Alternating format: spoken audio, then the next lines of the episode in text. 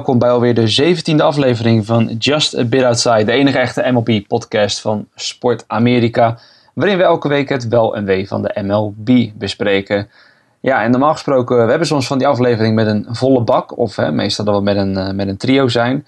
Maar deze week, uh, ja, doe ik met z'n tweetjes, want uh, Mike van Dijk die zit helaas op de DL met flu-like symptoms.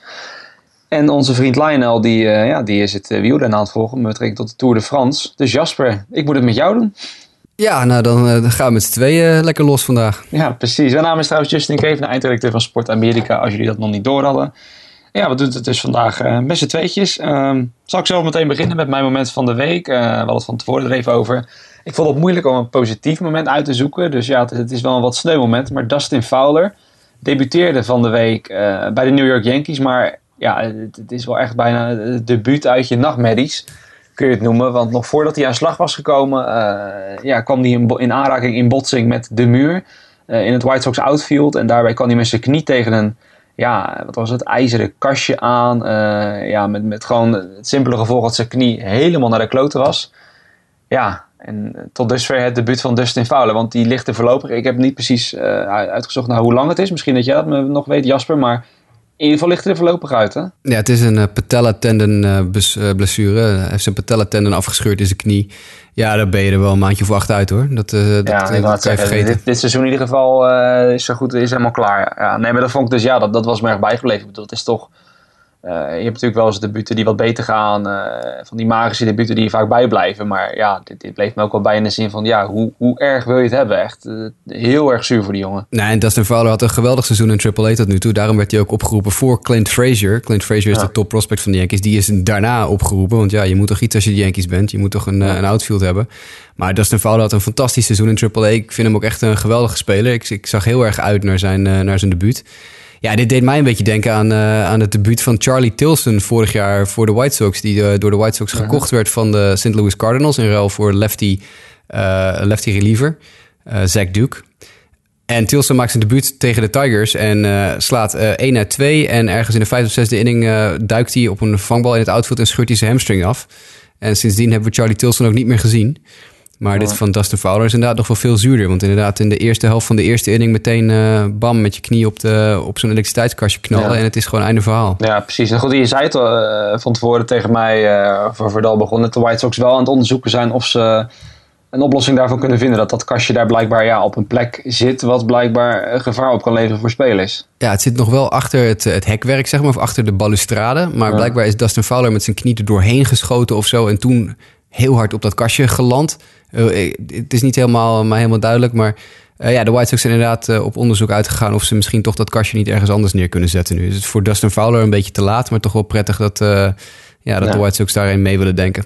Ja, ja, precies. Nou goed, dan gaan we naar jouw moment van de week. Maar ja, kijk, we hebben het hier, ik heb het hier voor me staan een blaadje. Maar de White Sox-Yankee Series, die, die ja, speelt in ieder geval een prominente rol bij onze momenten van de week, hè? Nou, het was zelfs dezelfde wedstrijd. Uh, ja. de, na een, na een regendelay uh, van dik drie uur werd die wedstrijd toch uiteindelijk uh, gespeeld. Die begon om tien uur lokale tijd s'avonds. Die zijn dus ook doorgegaan tot, tot diep in de nacht. Ik geloof half twee, twee uur werd er nog steeds gehoenbald. en, en Melky Cabrera, die, ja, dat is toch een beetje een, een, figuur af en toe. Die, die houdt wel van een geintje, dat, dat weten we allemaal. Je kan ook heel veel gifjes ja. vinden op internet van allerlei grappenmakerij van Melky Cabrera. Uh, op een gegeven moment slaat uh, Aaron Judge een, uh, een bal. Nou, meestal als Aaron Judge een hoge harde bal slaat, dan denken we allemaal meteen al, nou, die gaat eruit, want dat meestal, is Aaron ja. Judge. Ja, dat is echt een, een beest. Eh, en ja, toen gebeurde er eigenlijk eh, het volgende. Dit is eh, de Yankees radio broadcaster John Sterling. And the 2-1. Swung on. There it goes deep left. That ball is high. It is far. It is gone. Now, Aaron Judge hits his. No, he caught it. Are you kidding me? He did catch it. He came down, didn't show the ball. Ja, voor zover dat nog niet duidelijk was. Uh, Aaron Judge sloeg die bal heel hoog het linksveld in. En Melky Cabrera die maakte een sprong bij de muur. En vangt de bal, maar doet vervolgens alsof hij hem niet gevangen had. Hij keek nog even door het hek van, oh, waar ligt hij? Ja, hij ligt daar wel vast wel ergens. Ik zie hem niet meer, ik heb hem niet. Hij stak de bal niet de lucht in. Een beetje heel erg onverschillig. En iedereen trapte er eigenlijk in. Ook uh, uh, Michael Kay van de televisiebroadcast uh, trapte er keihard in. Maar, en, en, in het stadion werd ook heel veel gejuicht. Er zaten veel Yankees-fans in het White Sox stadion. Maar het niet draait Melky zich om en steekt hij die bal de lucht in. En uh, bleek dat hij hem gevangen had. En uh, ja, dat soort fake-outs daar ook al van. Melky is wat dat betreft gewoon een heel vermakelijke speler om naar te ja. kijken. En in dit geval hadden we, had hij dus even ja, eigenlijk uh, ons allemaal behoorlijk tuk. Ja, ja, het is alleen wel op het moment dat we dit opnemen is het zaterdagavond. Maar ja, je, zat, je zei net wel dat Melky ja, dat het nu wel iets minder ging hè, met een vangbal. ja, ik zit met een schuine oog terwijl dit opnemen White Sox Rangers te kijken.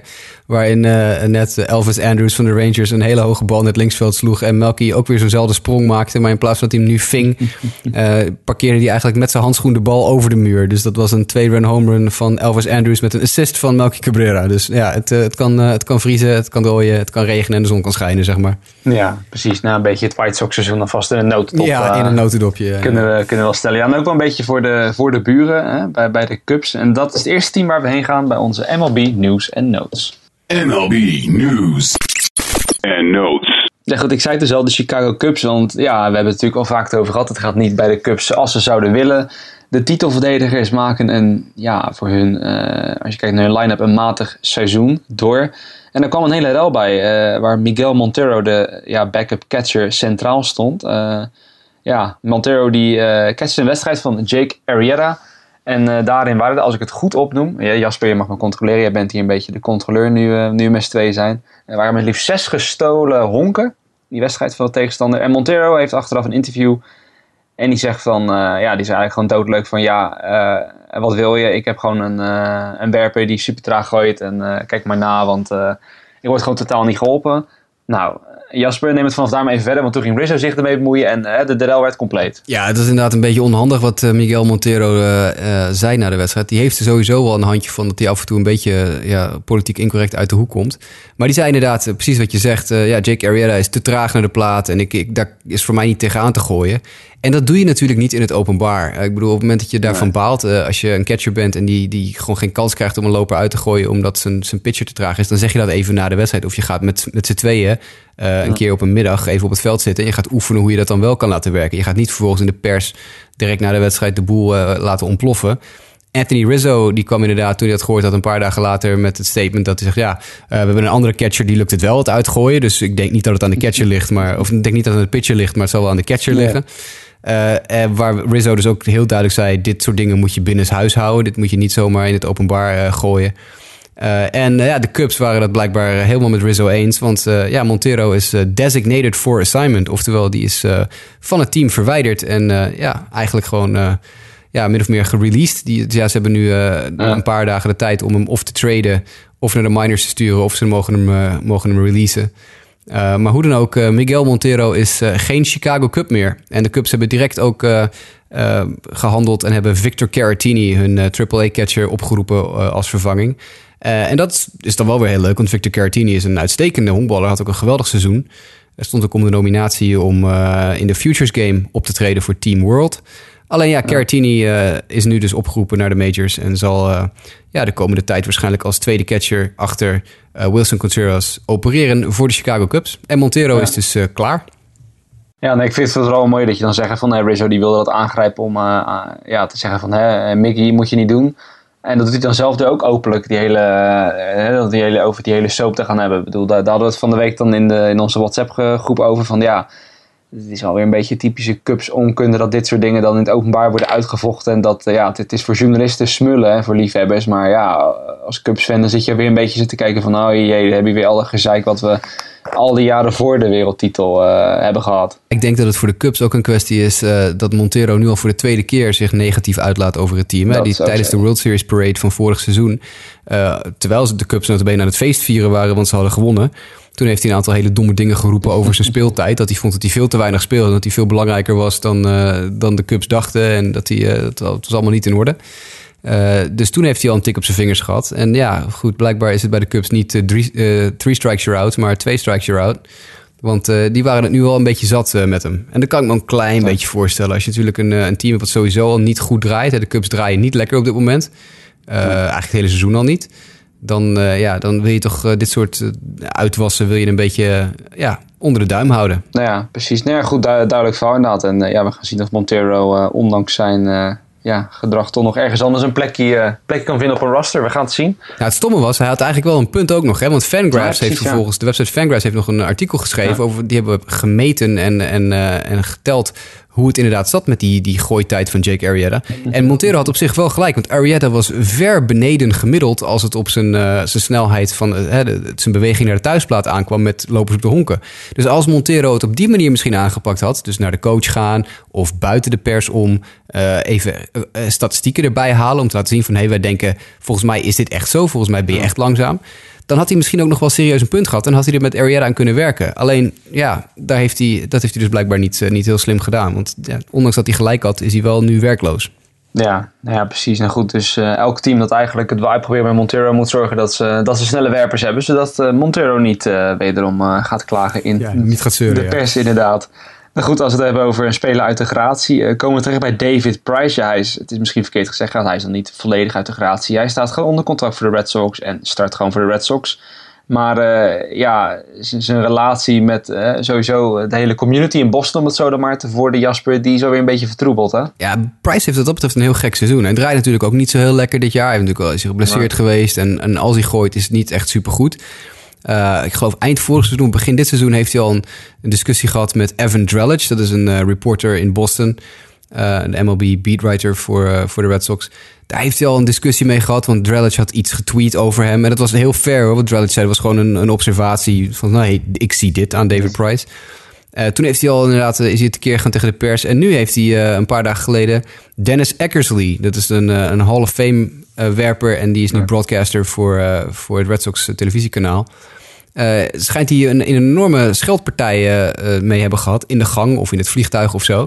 Uh, over iets wat Eckersley gezegd zou hebben of getweet zou hebben over, over David Price. En ook dat was weer een hele ja, neutraal, neutraal iets. Ik geloof dat Eckersley had iets gezegd in de broadcast over het feit dat David Price het eerste honk niet overnam. dat was een, een, diepe bal die geslagen werd. Eerste honkman vielde hem en Price moest naar één. Die moest natuurlijk overnemen. En dat deed hij niet. Dus daar had Eckersley iets, uh, had daar wat commentaar op gehad in de uitzending. En blijkbaar was David Price daar niet zo van gediend. En die is ontzettend tekeer gegaan tegen Eckersley, die uh, ongeveer echt legende-status heeft in Boston. Uh, en ja, Yahoo had van de week een, een rapport dat de Red Sox toch wel een beetje zich beginnen te ergeren aan David Price. Die irritatiegrens is, is behoorlijk hoog inmiddels bij David Dombrowski en de front office en David Price.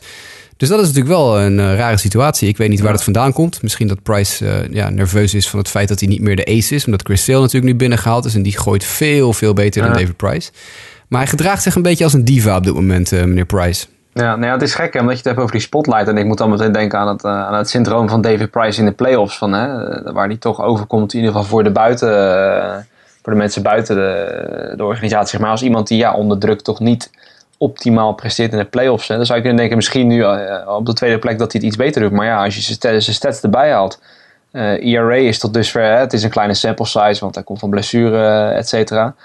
Maar ja, hoogste ERA tot nu toe, ook als je kijkt naar zijn whip, dat is het, het hoogste sinds zijn rookiejaar in, uh, in ja, Tampa ja, Bay. Ja. Uh, je kijkt naar home runs per nine innings, hits per nine innings, allemaal omhoog gegaan de afgelopen twee jaar. Ja, ook op het veld laat hij het lang niet altijd zien, hè? Nee, Nee, dat klopt. Het is, uh, op dit moment is het misschien ook een beetje frustratie natuurlijk. Het gaat niet lekker. En misschien ja. dat je dan natuurlijk wat sneller uit je vel springt richting mensen die commentaar op je hebben. Maar het was ook niet zo dat Eckersley hem echt onder de bus gooide of zo. Die zei gewoon, nou ja, dit, nee. dit, hij, hij moet het eerste honk overnemen. En toen zei Eckersley notabene nog achteraan...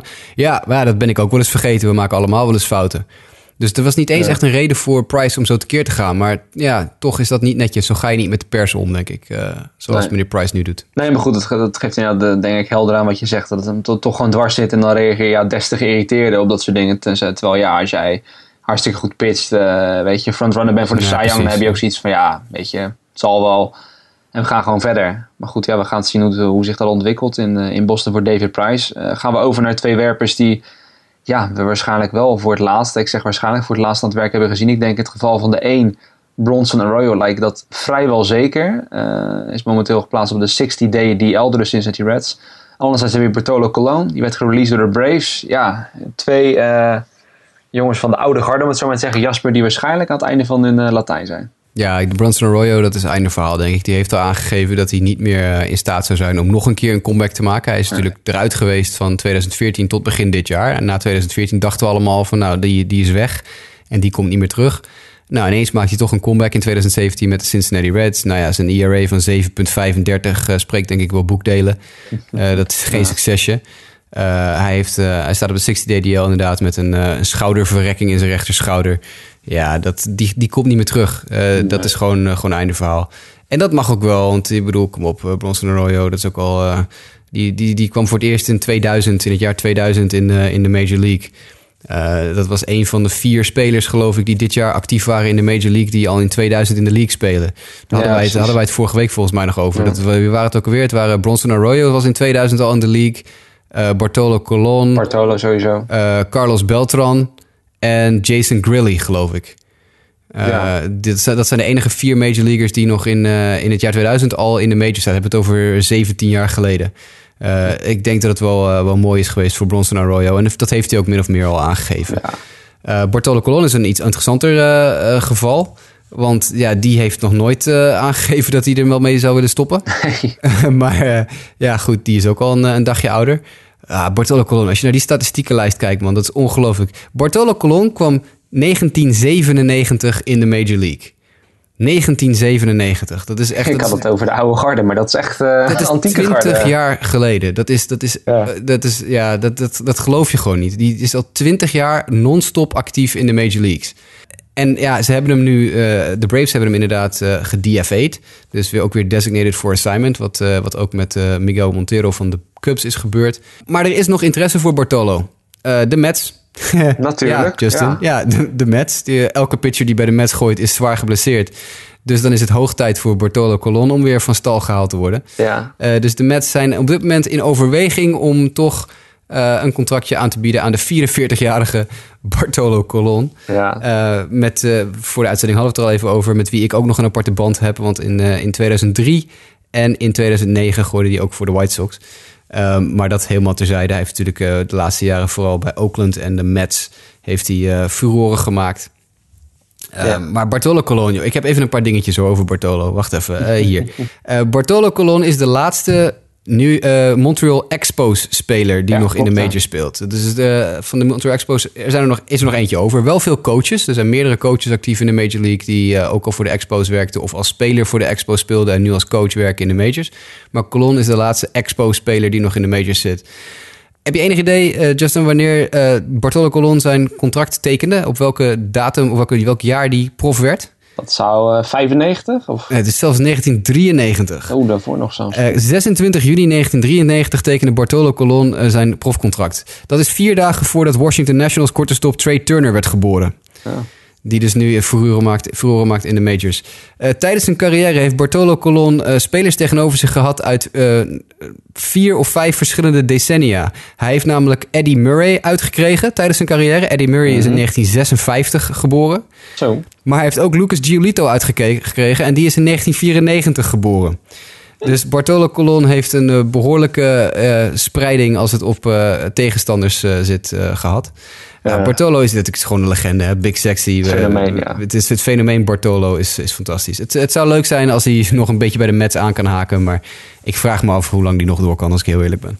Nee, precies. Nou, wat je zegt inderdaad, ik bedoel, bij de, bij de Mets, vooral zijn laatste jaar nog, uh, was hij echt verrassend goed eigenlijk. Hè? Ik bedoel, eigenlijk elk jaar zat iedereen er wel op te wachten van hè, wanneer uh, is Cologne nu echt klaar. Maar het ging toch elke keer wel weer goed. Maar ja, nu bij Atlanta inderdaad. Uh, het ERA van 8.14. Uh, ja. Een whip van, van tegen de 1.8. 13 hits per 9 innings. Nee, zeg maar, al, al, al die statistieken wijzen de eerste instantie op dat het ja, wel klaar is. Maar goed, ja, ik weet het niet. Ik bedoel... Uh, het, het, het, aan de ene kant weet ik niet wat de Mets ermee moeten. Aan de andere kant, ik snap het ook wel weer een beetje. Het emotionele gedeelte van... Hè, het is al een beetje... het lijkt op een verloren seizoen uit te lopen iedereen uh, raakt geblesseerd. Ja, waarom probeer je het niet en kijk je in 1, 2 à 3 wedstrijden wat er gebeurt. Maar ik denk niet inderdaad dat uh, Bartolo Colon een, uh, een oplossing gaat zijn voor de problemen die de Mets momenteel hebben. Hij was gewoon nog een all-star vorig jaar hè, voor de Mets. Dus op 43-jarige ja. leeftijd was hij gewoon nee, nog ja, een all-star. was inderdaad, was inderdaad zijn laatste jaar. Dat was inderdaad nog zijn beste, beste jaar inderdaad. Ja, uh, ja, ja fantastisch. Dat, ERA van uh, onder de 3.5. Dat was, ja, was een goed jaar. 191 innings. Daarom is het wel apart dat nu bij de Braves gewoon ineens helemaal allemaal weg lijkt te zijn. Maar ja, het uh, kan blijkbaar snel gaan als je eenmaal uh, 44 bent. Dat, moet zeggen, dat vind ik ook, dat is dan niet eens zo heel erg. Ik bedoel, als je 44 bent en je hebt nog steeds op zo'n hoog niveau kunnen acteren, dan mogen daar op zich ook wel even respect voor hebben bij deze. Maar goed, ander verhaal. Uh, de St. Louis Cardinals uh, vind ik ook een team waar we het niet heel erg vaak over hebben gehad de laatste weken. Maar ja, ze presteren ook niet echt op een manier die, die heel erg opvalt. Een beetje underwhelming. Uh, maar achter de schermen hebben ze afgelopen week wel een move gemaakt die jij ja, wel noemenswaardig vond, toch? Nou ja, in zoverre dat de Cardinals hebben besloten om general manager John Mozeliak te promoten. dat wil zeggen, hij is gepromoveerd naar president of baseball operations. Dat is dezelfde titel die een aantal andere GM's in de league al draagt. Bijvoorbeeld uh, Theo Epstein bij de Cubs is president of baseball operations. Dave Dombrowski bij de Red Sox is president of baseball operations. Uh, legendarische GM's die eigenlijk omhoog uh, gegooid worden en dan president worden. En dan komt er een nieuwe GM. Dat betekent niet dat Mozeliak geen invloed meer heeft. Alleen ze hebben nu een rookie GM in St. Louis, Mike Gersh. En Mozeliak is toch wel echt, uh, echt een vrij legendarische GM in de Major Leagues geweest de laatste nou, 10, 15 jaar. Die natuurlijk de Cardinals aan de lopende band uh, die NL Central liet winnen voordat de Cubs goed werden. Um, eigenlijk altijd in de playoffs stond, een aantal World Series gewonnen heeft, een geweldig jeugdsysteem heeft gebouwd. Want de miners in uh, St. Louis zijn eigenlijk altijd ieder jaar gewoon heel goed. Dus John Maziliak is wel een vrij, uh, ja, vrij goed zijn werk. En nu uh, durven ze dus aan blijkbaar met een rookie. Mike Gersh is de, de nieuwe GM. Uh, de timing van die move is vrij verklaarbaar. Vlak na de draft wordt het altijd gedaan. Want, tot aan de draft werken dan uh, ja, de GM's vaak met de scouting teams nog heel erg nauw samen. op zoek naar het talent in de draft. En na de draft wordt dan gezegd: Oké, we zijn nu weer klaar voor de toekomst. Dus nu kunnen we een wisseling van de wacht doen. En ja, ik, ik ben heel erg altijd onder de indruk van wat Moziliak toch weet te doen. Die weet altijd, ja, de trades die hij maakt, wint hij toch eigenlijk altijd. het talent dat hij draft is altijd bovengemiddeld goed. Dus uh, ja, dit is een interessante move van de St. Louis Cardinals. Het is niet een, echt een nodige move, maar ik denk dat misschien Moziliak een stapje terug wilde doen. Nee, maar het is wel wat je zegt. Ik bedoel, als ik een van één team associeer met uh, gewoon heel degelijk elk jaar wel in contention, dan zijn de Cardinals wel. Uh, daarom ook eigenlijk wel een van de meest gehate teams, denk ik, in de National League. Want ja, hoe je het ook bent of keert, als eenmaal aan het einde van het seizoen eraan zit te komen, dan spelen die Cardinals altijd weer een vervelend goede rol wat betreft de playoffs. ja, dit jaar dan iets minder, maar ja, wat je zegt. Nou, gewoon een van de, een van de best gerunde teams in de majors. Wel, ja, een team waar eigenlijk nooit, wat, nooit gedonder is. Waar altijd, uh, nee, precies. Altijd vrij stabiel. Uh, de enige twee uh, off-the-field issues die ze gehad hebben... zijn twee spelers die zichzelf doodgereden hebben in de auto. Ja. maar ja, goed, dat, dat, je hebt altijd idioten ertussen zitten. Dus het is nooit zo dat er... Er zijn nooit relletjes. De, alles wordt altijd keurig binnen, binnen huis gehouden. Ze hebben natuurlijk geweldige managers gehad... met Tony La Russa en nu Mike Matheny... die het ook best aardig doet. Dus nee, het is gewoon een heel, heel goed gerunde organisatie. Ja, behalve toen ze data gingen stelen van de Astros natuurlijk. Maar dat, dat ja, maar dat, dat blijkt dus ook weer... Een, dat, een eenmansactie ja, bleek toen inderdaad. Ja, dus dat, ja. Maar dat was natuurlijk toen voor veel mensen de reden om te zeggen van... kijk, de Cardinals, dat is de reden dat ze altijd zo, uh, zo goed zijn. Maar ja, dat Ja, maar het schijnt dus ook weer heeft ermee te maken dat die... die het schijnt toen een employee van de Cardinals is naar de Astros gegaan... en die heeft als eerst een beetje dingen doorgegeven. Toen als wraak is er een beetje gehackt bij... Nou goed, heel, heel lang verhaal. Heel netjes was het niet, maar het is inderdaad wat je zegt, een beetje een, een eenmansactie. Dus dat, uh, ik denk dat je dat over de organisatie zelf niet, uh, niet heel erg kan zeggen nog. Nee. Nee, precies. Nou goed, over eenmansacties gesproken. We gaan naar een moment wat uh, inmiddels alweer heel lang geleden was, maar wat we toch even hierin wilden vermelden. Het was de wildcard game van vorig seizoen in de American League. Toronto Blue Jays tegen de Baltimore Orioles. En voor de mensen die zich dat nog herinneren, ja, was het publiek in Toronto uh, ja, weer niet on its, on its best behavior, om het zo maar te zeggen. Want uh, Yoon Soo Kim, de outfielder van de Orioles, die werd bekogeld met wat bier. En ja, Jasper, uh, blijkbaar gaan ze daar in Amerika, of beter gezegd Canada in dit geval, uh, ja, gaan ze daar wel uh, streng mee om, hè? Ja, daar kunnen ze bij het voetballen nog wat van leren in, in Europa en, en in andere werelddelen. Want de, de fan die inderdaad een, een glas bier naar Hyunsu Kim gooide, die is ja, veroordeeld deze week. En daarom noemen we het even deze week. Die heeft een levenslang stadionverbod gekregen voor de Toronto Blue Jays. Heeft 12 maanden, maanden voorwaardelijke straf en 200 uur community service gekregen. Dat is een behoorlijke straf. Maar dat is wel, eh, denk ik, een, een goede ontwikkeling. De Blue Jays hebben natuurlijk eh, een hele uh, ja, robuuste fanbase, maar ook wel een behoorlijke uh, ja, rumoerige fanbase, zullen we maar zeggen. Dat zijn ijshockeyfans en die zijn altijd wat wilder dan misschien honkbalfans. Ja. Want er werd, jij bracht het al ter sprake toen we het zaten voor te bespreken allemaal. Er werd een paar jaar geleden ook al een keer bier naar scheidsrechters ja, gegooid. Tegen de Rangers, ja, ja. dat was echt gek huis toen. Ja. ja, dat is ook inderdaad een behoorlijke vreemde situatie dus ja, de, de, het is tijd dat daar tegen opgetreden wordt. Dat we willen dat voorkomen bij honkbal natuurlijk. We zijn allemaal uh, ja, best wel uh, toch gecharmeerd van de sfeer die altijd in honkbalstadia hangt, denk ik. Tenminste, ik wel. Dat is een van de redenen dat ik zo graag naar honkbalwedstrijden toe ga. Uh, je kan daar gewoon door elkaar heen zitten, fans van verschillende teams en een beetje, een beetje ouwehoeren met elkaar. Maar toch, uh, ja, dit soort dingen gebeuren. En zelfs twee dagen geleden gebeurde het nog, of zelfs gisteren gebeurde het nog, dat er vanuit het eerste honkvak een honkbal werd gegooid richting scheidsrechter Joe West, die op het eerste honk stond. En Joe West krijgt die bal op zijn hoofd. Dus heeft een fan vanuit het vak een honkbal op het hoofd van Joe West gegooid. En dat soort dingen kunnen natuurlijk gewoon niet. Die horen niet bij honkbal. Ik, ik heb niet uh, kunnen achterhalen of ze de fan hebben gevonden en hem hebben kunnen pakken of dat hij verraden is door iemand of wat dan ook. Maar ja, goed, iedereen weet hoe ontzettend een ik aan Joe West heb. Maar een honkbal op zijn hoofd gooien gaat ook mij een beetje te ver hoor. Dat, uh... Nee, precies, precies. Ik bedoel, hij mag, hij mag verder wel stoppen met zijn werk en zo, maar uh, moet inderdaad wel netjes houden. Laten we het netjes houden inderdaad. Nee, maar het is wel opvallend wat je zegt. Ik bedoel, als je kijkt in, in de voetbalsport daar krijg je voor veel ergere dingen nog dan een biertje gooien. Sterker nog, met een biertje gooien kom je in menig voetbalstadion kom je daar wel mee weg. Voor zover ik weet. Ik doe het zelf nooit, maar voor zover ik dat een beetje beoordeel. Uh, dus ja, maar goed, in ieder geval denk ik een goed teken dat ze het, uh, dat ze het zo streng aanpakken. Want ja, in principe, als je kwaad zou willen, ja, is een honkbalstadion wel heel makkelijk om daar iets op het veld te gooien. Want dat is natuurlijk redelijk open. Ja, ja. Uh, dus ja, goed dat ze er tegen optreden. Dan gaan we weer terug naar een onderwerp waar we het ja, de, afgelopen tijd al vaak over hebben gehad. Hè? De, de verdubbeling, eh, verdriedubbeling, hoe je het ook wil noemen, van home runs. Die zich dit jaar voordoet. Want ja, ook het record qua home runs per maand. Dat werd nu in juni verbroken door niemand minder dan Justin Smoke. Ja, Justin Smoke maakt een geweldig seizoen door. Dat, uh, laten we dat vooropstellen. Eindelijk begint hij uh, te laten zien waar mensen het eigenlijk al tien jaar over hebben. Wat hij zou kunnen doen. Maar ja, die sloeg inderdaad uh, uh, homerun uh, nummer 1070 uit mijn hoofd. Ja, 1070. En het oude record was 1069. dat, dat record stamde nog uit, uit 2000, mei 2000. Toen werden er 1069 homeruns geslagen. En nu dus is het raak. Inmiddels de totale teller voor juni staat op 1101 uh, voor de maand juni aan home, uh, home runs. Maar ja, Justin Smoke verbrak het record, dus de 1070ste was van, van hem. Maar 1101 home runs in de maand juni, ja, dat is behoorlijk indrukwekkend. We hadden het er inderdaad al even over. Er beginnen steeds meer theorieën inderdaad, of steeds meer nieuwsoutlets beginnen het erover te hebben... dat waarschijnlijk toch de naden van de bal, die liggen op dit moment in de majors... zijn de naden lager dan normaal. Dat betekent dat er ja, minder luchtweerstand om de bal is en dat de bal dus verder vliegt... Dus ja, je, je, kan het niet echt hebben over gejuiced ballen. Dus dat ze niet lichter zijn of meer kurk in hebben. Maar de naden zijn oppervlakkiger. En ja, hoe minder uh, uh, ja, bumps en zo je op de, de bal hebt zitten, hoe sneller die door de lucht vliegt. Dus het zou best kunnen zijn dat, uh, dat we daar toch ja, nu een, een effect van zien. 1101 home runs in juni. Ja, nou goed, iemand die er in ieder geval minder last van heeft. Want dan gaan we naar een andere persoon die laatst een record greep is. Corey Knebel. Of Kniebel, Knebel was eigenlijk de uitspraak. Weet ja, je Nebel, Nebel volgens Nebel, ja, de, de, de, K, de K silent, laten we maar zeggen. Nebel, Corey Nebel. Bij deze. Uh, ja, die heeft er minder last van als werper. We hebben laatst al een beetje wat, wat liefde gegeven, om het zo te zeggen, als, als closer van de Brewers. Want dat doet hij gewoon heel verdienstelijk.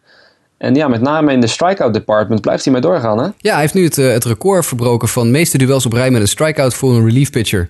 Dat record stond op 39 op naam van Bruce Sutter. Heel frappant. Die komt nog een keer terug in deze podcast zometeen. En zo heb je tien jaar niet over Bruce Sutter. En ineens heb je twee keer in één podcast over Bruce Sutter. Maar zijn record van 39 duels op rij is dus nu verbroken door Corey Nabel. Die dus 40 wedstrijden op rij een strikeout gooide. En daarmee het record voor relief pitchers op zijn naam heeft geschreven. Uh, van harte gefeliciteerd Corey Nabel. Uh, geniet ervan, uh, want hoe lang dit gaat duren weten we niet. Nee, nee want in het verhaal van de week dan was de eerste. We waren vorige week best wel een beetje van hè, het is leuk, maar is het, houd, is het houdbaar? Uh, nou, van de week tegen de Cincinnati Reds van Lionel had hij het was de eerste blown loss. Nou, niet zijn eerste blown loss zie ik hier, maar in ieder geval wel een loss. Uh, ja, maar hij kreeg ja. behoorlijk om zijn oren inderdaad. Ja, dat, uh... nou ja, precies. Zo drie walks hier. Maar ja, er zat wel een strikeout bij. Dus ja, voor het record was het in ieder geval, ja, in ieder geval goed. Maar zijn ERA sprong wel boven de 1, dus dat is dan weer wat minder. Maar... Oh, verschrikkelijk, ja. Ja, precies. Dat is dan wel weer een beetje minder. Het zat op 0,96, sprong naar 1,16. Oh, gigantisch. Nou, nou, dat uh, nou. zeiden heel veel jongens vertekenen, maar goed. Nou, dat dat wel, zeiden, hij heeft wel het record in handen, dus inderdaad, felicitaties aan Corey Nebel. Dan de All-Star Game uh, komt natuurlijk aan met de daarbij behorende Home Run Derby. Daar gaat, werd dus bekend, Miguel Sano naartoe. En toen hadden wij neergezet van, hè, wie zouden wij er nog meer willen zien? Ja, ik vind het opvallend dat uh, Miguel Sano naar de Home Run Derby gaat. Ik vind het wel terecht. Dat is natuurlijk een dat prospect waar jaren over gesproken wordt. Van die heeft geweldige power. En dat begint hij nu dit jaar eindelijk te laten zien voor de Minnesota Twins. Uh, Aaron Judge en Giancarlo Stanton zijn natuurlijk twee namen die er meteen uitspringen van... nou, die willen we ook echt wel in de Home Run Derby zien.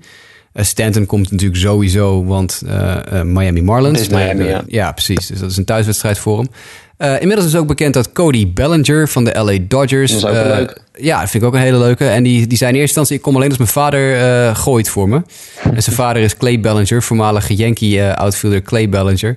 Uh, maar die heeft al toegezegd dat hij gaat gooien. Dus Cody Bellinger komt naar de home run derby. Maar inderdaad, wie zouden wij nog in de home run derby willen zien? Ik heb er wel een paar, maar wie had jij gevonden, Justin? Ja, ja, ik had vooral, we hebben het hier van een beetje gehad, de eerste naam die mij opviel was Joey Gallo. Vooral omdat Joey Gallo, hij komt niet in heel veel, laten we zeggen, statistieke lijstjes voorbij. Maar wel als je het over home runs hebt, die ver gaan. En hè, dat als hij wat raakt, dat het er echt meteen stijl uitgaat. Ik bedoel, Joey Gallo's batting average is vrij laag, meen ik uit mijn hoofd. Even te ja, herinneren. maar, zeggen, ja. ja, dat, dat zit geloof ik onder de Mendoza-lijnen, onder de, de, de 200. Maar ja, als die wat raakt, dan gaat het gigantisch ver. Dus dat, dit lijkt me echt wel zo'n speler. Ja, als die een beetje makkelijke ballen krijgt, dan wil ik wel zien hoeveel van die uh, krengen die het stadion uit kan rammen. Ja, en uh, Gallo die heeft een, uh, een exit velocity van nou, ruimschoots boven de 100 mijl per uur. Dat klinkt heel hard, dat, dat, schiet zelfs op tot, wat is, even kijken, 120 mijl per uur heb ik hier staan. Dat is zijn hardste home run van dit jaar. Nou, dat is echt gigantisch hard. Dus Gallo, uh, Gallo past daar wel een beetje in. We hadden voor de gein eventjes het lijstje erbij gepakt van uh, langste home runs van dit jaar. Nou, drie keer raden wie er bovenaan staat. Dat is natuurlijk Aaron Judge. Jan Want die, die, ja, die slaat echt uh, die slaat satellieten de, de baan om de aarde in. Ehm, die had een home run van 496 feet dit jaar. Ja, dat geloof je niet, maar dat is echt zo. Uh, maar toen was er iemand die kwam een aantal keer naar voren. Ik heb hier, hij staat hier nummer 2. Hij staat nog een keer, nog twee, drie keer in de top 25. Dat is Kenny Vargas van de Minnesota Twins. Uh, is niet het jaar begonnen in de majors, maar is op een gegeven moment opgeroepen. En die heeft uh, 483 voet geslagen dit oh. jaar tot nu toe al. Uh, en nog een aantal andere van ruim over de 450. maar dat zijn, dat zijn stevige homers. Dus misschien is Kenny Vargas ook wel een idee. Hebben de Minnesota Twins ook een keer iets te vieren rondom twee, ja. All-Star Weekend? Ja, precies. Uh, verder staan er nog wel een aantal namen in die ik totaal niet interessant zou vinden voor de Home Derby. Uh, Chad Pinder van de Oakland Athletics, Jorge Soler van de Kansas City Royals, uh, Paul Goldschmidt van de Arizona Diamondbacks, dat zou ik dan wel weer begrijpen als die er staat. Jake Lamb van de Diamondbacks, dat zijn er wel leuke. Uh, maar ik zou ook vooral wel George Springer een keer in de home run derby willen zien. Die slaat best wel veel home runs, natuurlijk veel lead-off home runs. En ik heb in het verleden wel eens gezegd, het zijn eigenlijk altijd cheapies bij Springer. Ze zijn altijd net in de Crawford boxes in het linksveld in Houston of net over het hek in het rechtsveld. Nou, dan mag hij me wel een keer ongelijk bewijzen. Dan mag hij wel een keer gewoon ja, helemaal precies. losgaan en, uh, en laten zien. Want die kan zijn verste home run van dit jaar is 467 uh, feet. Uh, dat is een behoorlijke bom. Dat, die zou ik niet zo snel slaan. Maar uh, ik zou het wel een keer willen zien. Ik zou Springer wel eens een keer echt, uh, echt kanonskogels willen zien slaan. Ja, dat vind ik ook wel een goede naam. Ja, sowieso iemand van de Astros, ik bedoel, die, die slaan er aanvallend uh, aardig op los. ja. hè, met, met man als Springer, ook een Korea. Dus ja, inderdaad wel benieuwd wat, wat een Springer zou, zou kunnen doen. Dus dat, ja, ik ben in ieder geval heel benieuwd. Ik vind in ieder geval fenomenaal dat Aaron Judge erin zit. Ik bedoel, dat is eigenlijk toch de speler die we sowieso allemaal uh, zouden willen zien. Want uh, ja, als je ziet hoe ver die bal al in normale competitieve wedstrijden slaat. Uh, ja, misschien het enige nadeel is, ik ben nu wel te bedenken dat het dan alleen maar tegen kan vallen. Misschien in zo'n home run derby setting. Dat het dan toch, dat was toch geloof ik de eerste keer dat Stanton meedeed ook. Toen, toen ja, ook klopt, echt gigantische dingen van. Toen viel het best wel tegen uiteindelijk. Maar goed, we gaan het zien. Hè? Ik bedoel, het is in ieder geval wel een, hele, een groep hele sterke jongens die mee gaan doen. En ja, toch wel altijd een van de leukste onderdelen die er is uh, tijdens de All-Star Weekend. Uh, daarover gesproken.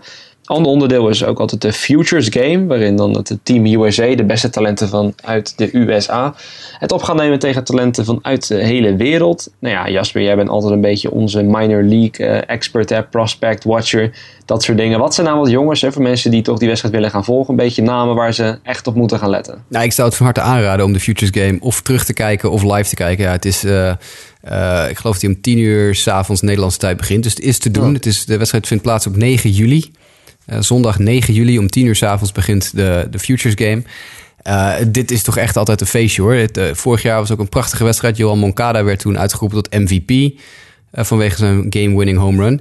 Maar inderdaad, de rosters van Team USA en Team World zijn eigenlijk zijn bekendgemaakt van de week. En ja, het is inderdaad zo, ze, ze zetten spelers met een Amerikaans paspoort tegenover spelers die in, de, in Amerika spelen, maar geen Amerikaans paspoort hebben. En dan krijg je twee teams tegenover elkaar die vol zitten met potentiële supersterren van morgen, om het zo maar even heel clichématig te zeggen. Um, dan zijn er een paar spelers die ik er even uit wil halen. En ik begin even met Team USA.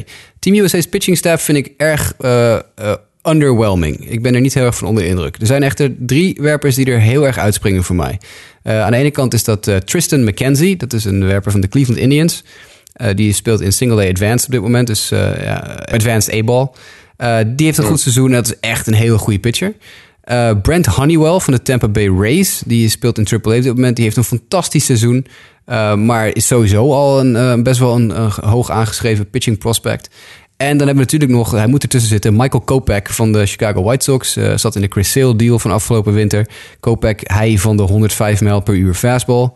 Uh, die heeft ook een fantastisch seizoen. Inmiddels is hij uh, opgeroepen naar Double A, dus hij speelt nu Double A. dat zijn eigenlijk de drie werpers waar het, het, Team USA pitching staff op leunt. Dan hebben ze nog een paar andere erbij. Een John Duplantier van Arizona en een Bo Burrows van Detroit. Maar dat zijn toch ja, dat zijn geen aces. Maar Honeywell, Kopek en McKenzie zijn wel heel goed. AJ Pak van de Oakland Athletics zit er tegenaan. Was een hoge draft selectie van vorig jaar. De rest ben ik weinig van onder de indruk. De catchers van Team USA zijn Zach Collins, ook uit de White Sox organisatie. En Chance Cisco van de Baltimore Orioles. Nou, Collins heeft aanvallend geen goed seizoen, maar verdedigend is hij fantastisch. Gooit bijna 50% van uh, honklopers uit. Dat is gigantisch hoog. Uh, maar Chance Cisco is dan weer zijn aanvallende tegenmaatje. Uh, want die is van de Baltimore Orioles organisatie. En dat is uh, een van de beste aanvallende catchers in de majors. Um, bij de infielders zijn er eigenlijk twee die ik eruit wil halen. Bo Bichette is de korte stop van Toronto's Single A Advanced team. Dat is de enige speler in de volledige minor leagues die op dit moment nog boven 400 slaat als slaggemiddelde. Die, uh, die heeft een fantastisch seizoen. Is het, uh, het, ja, is het zoontje van uh, Dante Bichette, voormalig Major Leaguer Dante Bichette van de Colorado Rockies onder andere. Maar Bo Bichette heeft een fantastisch seizoen. Is ook nog heel jong, is geboren in 1998. Dus die is echt is een hele jonge gast nog. Ehm, Ryan McMahon speelt in AAA voor de Colorado Rockies. derde honkman. Heeft ook een fantastisch aanvallend seizoen is echt wel, echt wel de moeite waard om te zien. En verder zitten top prospects Reese Hoskins van de Phillies en Nick Senzel onder andere nog in de uh, Futures Game in de, het infield. Maar het outfield is denk ik het paradepaardje voor Team USA. Lewis Brinson van de Milwaukee Brewers, Derek Fisher van de Houston Astros, Corey Ray van de Milwaukee Brewers, Brian Reynolds van de San Francisco Giants en Kyle Tucker van de Houston Astros. Dus twee Brewers, twee Astros en een Giant. Dat is een fantastisch outfield. Uh, maar ja, het infield is dus een beetje mem. En de pitching staff van Team USA lijkt me ook niet sterk genoeg. Want dan kom je bij Team Wereld. En dit is echt... Uh, ga hier mee voor zitten. Uh, in de pitching staff hebben we hier onder andere Domingo Acevedo en Yadier Alvarez. Acevedo is van de Yankees en Alvarez van de LA Dodgers. Uh, en ook uh, Cal Quantrill, dat is een Canadees van de San Diego Padres organisatie. Een van de beste werpers in de minors op dit moment. Mike Soroka van de Atlanta Braves, fantastische pitcher, ook Canadees. En Thiago Vieira, dat is een Braziliaan uit de Double van de Seattle Mariners. Die gooit ook dik 103 mijl per uur. Uh, dus de, het team Wereld kan uit zeker vijf of zes echt boven gemiddeld goede werpers putten. Het catcher duo van Team Wereld is Francisco Mejia en Thomas Nido. Mejia is van de Cleveland Indians en Nido van de Mets. dat zijn ja, twee van de betere catcher prospects in de hele minor leagues. Dus dit zijn echt ja, hele goede spelers. Het infield bestaat onder andere uit Rafael Devers van de Boston Red Sox, Mauricio Dubon van de Milwaukee Brewers, Lucius Fox van Tampa Bay, Vladimir Guerrero Jr. van Toronto. Daar hebben we hem, Johan Moncada van de White Sox, uh, misschien wel de beste prospect op dit moment in de hele minors. Ahmed Rosario, de korte stop van uh, New York Mets, die ook echt Major League klaar is. Hoor. Die, kan gewoon, die kan gewoon nu meteen naar New York. Wat ze in hemelsnaam aan het doen zijn bij de Mets, maar daar kunnen we het een andere keer over hebben. Want Rosario is gewoon klaar voor, voor het grote werk. En dan denk je dat je het gehad hebt, maar dan komen daar nog even Ronald Acuna van de Atlanta Braves, Eloy Jimenez van de Cubs, Victor Robles van de Nationals en Alex Verdugo van de LA Dodgers overheen in het outfield. Uh, nou, het moet heel gek lopen, wil Team Wereld niet met de winst aan de haal gaan uh, in de Futures Game dit jaar. Nee, precies. Maar goed, het mooie is dus hè, wat je zegt van, uh, je ziet eigenlijk de, sterren van morgen natuurlijk niet iedereen binnen die hele selectie zal doorbreken en hele groot worden. Maar ik kan me nog herinneren, ik, kan me nog herinneren, ik kijk eigenlijk niet elk jaar die, die game, moet ik eerlijk bekennen, maar ik weet er nog een van de eerste die, die, die ik echt, waar ik echt toen voor ging zitten was 2011. En toen deed ene Paul Goldsmith mee. Dat zei me toen nog niet zo heel erg veel. Ja, ja, en dat, dat weet je, dat hij me toen echt opviel. dacht van wie de fuck is deze gast? Dit is echt gewoon, uh, sowieso als ik nu dat team terug te kijken. Ze hadden ook Nolan Arenado hadden ze toen met Team USA. Jason Kipnis, Manny Machado. In het infield nou, uh, outfield nog met Bryce Harper. En een uh, Will, Will Myers die destijds nog outfielder was. Nou, toch aardige namen. Maar ook als je erna kijkt in de jaren. Ik bedoel, uh, eh, 2013 zien we hier Noah Syndergaard, uh, Tejan Walker, de outfield met Billy Hamilton, George Springer, Yelich. Ja. Aan de World Cup ook nog genoeg mannen als Sander Bogarts, Carlos Correa. Dus ja, er zitten echt gewoon heel veel gasten tussen die ja, in potentie gewoon hele grote sterren kunnen worden. En dat vind ik dan altijd wel een hele leuke aan. En die namen zeggen me nog niet zo heel erg veel. Zo diep zit ik dan weer niet echt in de, in de minor league systems en farm systems en dat soort dingen. Maar ja, je- kan er donder op zeggen dat er een paar tussen zitten die gewoon heel groot gaan worden. En dat is wel heel leuk om, eh, om te gaan bekijken. Ja, ik denk het wel. En je hebt ook nog altijd je hebt namen die, die, die het totaal niet maken ook. Hè. Ik heb hier bijvoorbeeld even 2012 toevallig voor me. Fijn dat je me even oversloeg, want dan hoefde ik niet opnieuw te gaan zoeken. precies. Mijn 2012 had je dus bijvoorbeeld inderdaad ook Nolan Arenado, maar ook Nick Castellanos van de Tigers, Scooter Jeanette, Billy Hamilton, Manny Machado, Mike Olt, die is weg uit de majors, die zit Ja. hier. Jonathan Singleton, weg. Colton Wong, heel matig. Eh Gene Segura, supergoed. Jurgen Profar, oké, kennen we ook allemaal. Francisco Lindor, maar ook Reimer Liriano, die toen nog een van de beste outfield prospects was. Ja, nou, die zeggen, speelt nu geloof ik AAA bij de White Sox. Dat is, eh, daar word je ook niet vrolijk van. En Oscar Taveras, die is dood inmiddels. Dus dat is, Ja. eh, ja, dat is ook een beetje raar. Nee, maar daarom het dit. Ja. Het is, eh, het, is een het is echt wel, eh, het geeft echt wel een heel goed beeld van wat, wat spelers kunnen. Dit, zijn echt wel echt wedstrijden waarin je een, een blik kan werpen op hoe het, hoe het in de minors ermee gesteld staat op dit moment. ja, precies. Nou goed, we hebben het dan over het All-Star Weekend. Hè. Gaan we tot slot nog even naar een klein dingetje dat we uit de All-Star Game zelf hebben gehaald. Eigenlijk een eh, ja, heel pietluttig dingetje eigenlijk. Maar ja, Fox die gaat met iets revolutionairs komen. Jasper, echt iets wat eh, een potentiële gamechanger eh, gaat worden, hè, denk ik. Ik heb geen idee hoe ze dit gaan doen, maar Fox Sports gaat microfoons begraven in het veld. Kijk. Ik, ja, het is een paar jaar geleden zijn ze begonnen met experimenteren van camera's. Een beetje begraven in het veld. Dus je, eh, dat je camera's had in de battersbox. Dus dat je van onderaf de slagman kon zien en de catcher kon zien. Wat best gaaf is Ja. om te zien. Dus best, best, leuk, eh, best leuk bedacht. Maar ze gaan dus nu microfoons begraven in het veld. Ik heb niet zo- ik- niet zo'n beeld van wat ze daar nou precies mee willen gaan bereiken. Maar ik, ik gok erop dat ze zoiets willen bereiken als bijvoorbeeld sound effects van de NFL. Dat er spelers met een microfoon rondlopen. Of dat je meer geluiden van de wedstrijd krijgt Ja. of zo. Want iets anders kan ik niet verzinnen. Nou ja, daarom dat ik inderdaad ook van ja, wat, wat, wat ga je dan beter meekrijgen? Ja, het feit dat iemand op het eerste honk stapt als hij aan het eh, racen is om net eh, de bal snel af te zijn. Of ja, ik, ik zie inderdaad, weet je, ik bedoel, eh, dat je een paar mics geeft en dat soort dingen of zo. Daar zie ik dan wel meerwaarde in of zo. Dat je echt een beetje die gesprekken goed kan volgen. Maar of dat hiermee kan en wat dan de mogelijkheden hiervan zijn. Ja, misschien dat je echt een, eh, die hele experience krijgt van oh, het is net alsof ik aan het, eh, langs het veld zit. Ik weet het niet, maar ja, weet je, we laten ons verrassen neem ik aan. Dat, eh, Ja, ik, ik weet het ook niet zo goed. We laten het inderdaad wel Ja, gebeuren. dus er zullen vast wel hele, hele eh, tech, techie eh, gasten achter zitten die er heel veel verstand van hebben. En daar ligt wat, eh, Ja. wat, wat goeds in zien. Dus eh, we gaan het zien. Eh, nou goed, iets anders. Begin van de uitzending hadden we het over die White Sox-Yankees series. En daar hebben we het niet eens alles over die wedstrijd gehad. Want eh, ja, jij wees ons erop dat eh, Miguel Andujar, een rookie van de Yankees, die had een ja, toch wel aardige eerste wedstrijd, of niet? Ja, die eh, ging in zijn eerste wedstrijd in de majors 3 uit 4 met 4 RBI's tegen de White Sox. Eh, De wedstrijd werd gewonnen door de Yankees. En eh, dat is een, een record voor een eerste wedstrijd. Hij werd wel meteen direct na die wedstrijd ook weer naar AAA teruggestuurd. Of, naar, of in ieder geval naar de minors. Nou, dat is dan weer jammer. Dus ja, ik weet niet. Hij mocht heel even invallen. Dat heeft te maken met Starling Castro's blessure. En ik geloof dat de Yankees inmiddels weer behoorlijk aan het husselen zijn geweest met hun call-ups en stand-downs. Eh, dus Andujar speelt inmiddels weer in de minors. Maar hij had wel een eh, heel aardig begin. 3 uit 4 met 4 RBI's tegen de White Sox. Maar ik zat dus dat uit te zoeken van de week. En toen, kwam ik, toen stuitte ik op een heel... Dat heeft niks met Miguel Andujar te maken. Want we gaan nu Miguel Andujar weer parkeren waar hij hoort in, de- in de minors. En we gaan nu even verder. Eh, het viel mij op dat er vier Tylers op het roster van de New York Yankees staan. Dat zijn eh, Tyler Clippard, Tyler Webb, Tyler Wade en Tyler Austin. En toen dacht ik van, nou ja, dat, eh, dat is best wel vreemd. Toen ben ik een beetje erin gaan duiken. Eh, heb je enig idee, eh, Justin, wat het eh, voornaamrecord is? Hoeveel spelers met dezelfde naam in welk team gespeeld hebben? Nee, dat, het enige kant dat ik me kan voorstellen is dat een hele voor de hand liggende, voor de liggende naam is. Een beetje Ja, van wat, wat Jan in klopt. Nederland is. Maar dat het dan waarschijnlijk heel lang geleden is of zo. In een tijd dat mensen niet heel creatief waren met, met namen. Maar nee, echt gericht. Nou, het is jammer dat onze zeer gewaardeerde collega Mike van Ah, Dijk vandaag ja. ziek is. Want het, het voornaamrecord is, ja, het zijn eh Mikes. Kijk, het zijn er acht in één team. Eh, in 1989 hadden de Los Angeles Dodgers namelijk acht Mikes in een team. Dat waren Mike Sosha, bekend nu manager van de LA Angels. Mike Hartley, Mike Huff, Mike Marshall, Mike Morgan, Mike Munoz, Mike Davis en Mike Sharperson.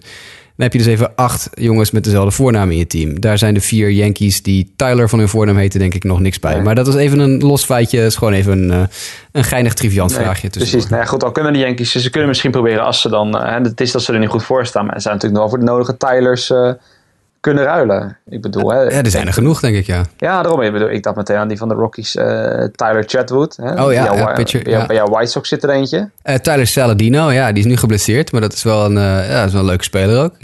Ex-White Sox, Tyler Flowers, nu catcher van de Braves, heb je natuurlijk ook nog. Ja, niet, niet eens heel onverdienstelijk. Dus hè, ik bedoel, die kunnen ze dan ook echt erbij halen om een beetje die line-up in de breedte te versterken. Heb je nog meer? Ja, nu, nu moet ik eerlijk Ik heb inmiddels Google erbij gehad. Oh, je hebt Google. Oh, je hebt Google. Oh, nee, dat, ik...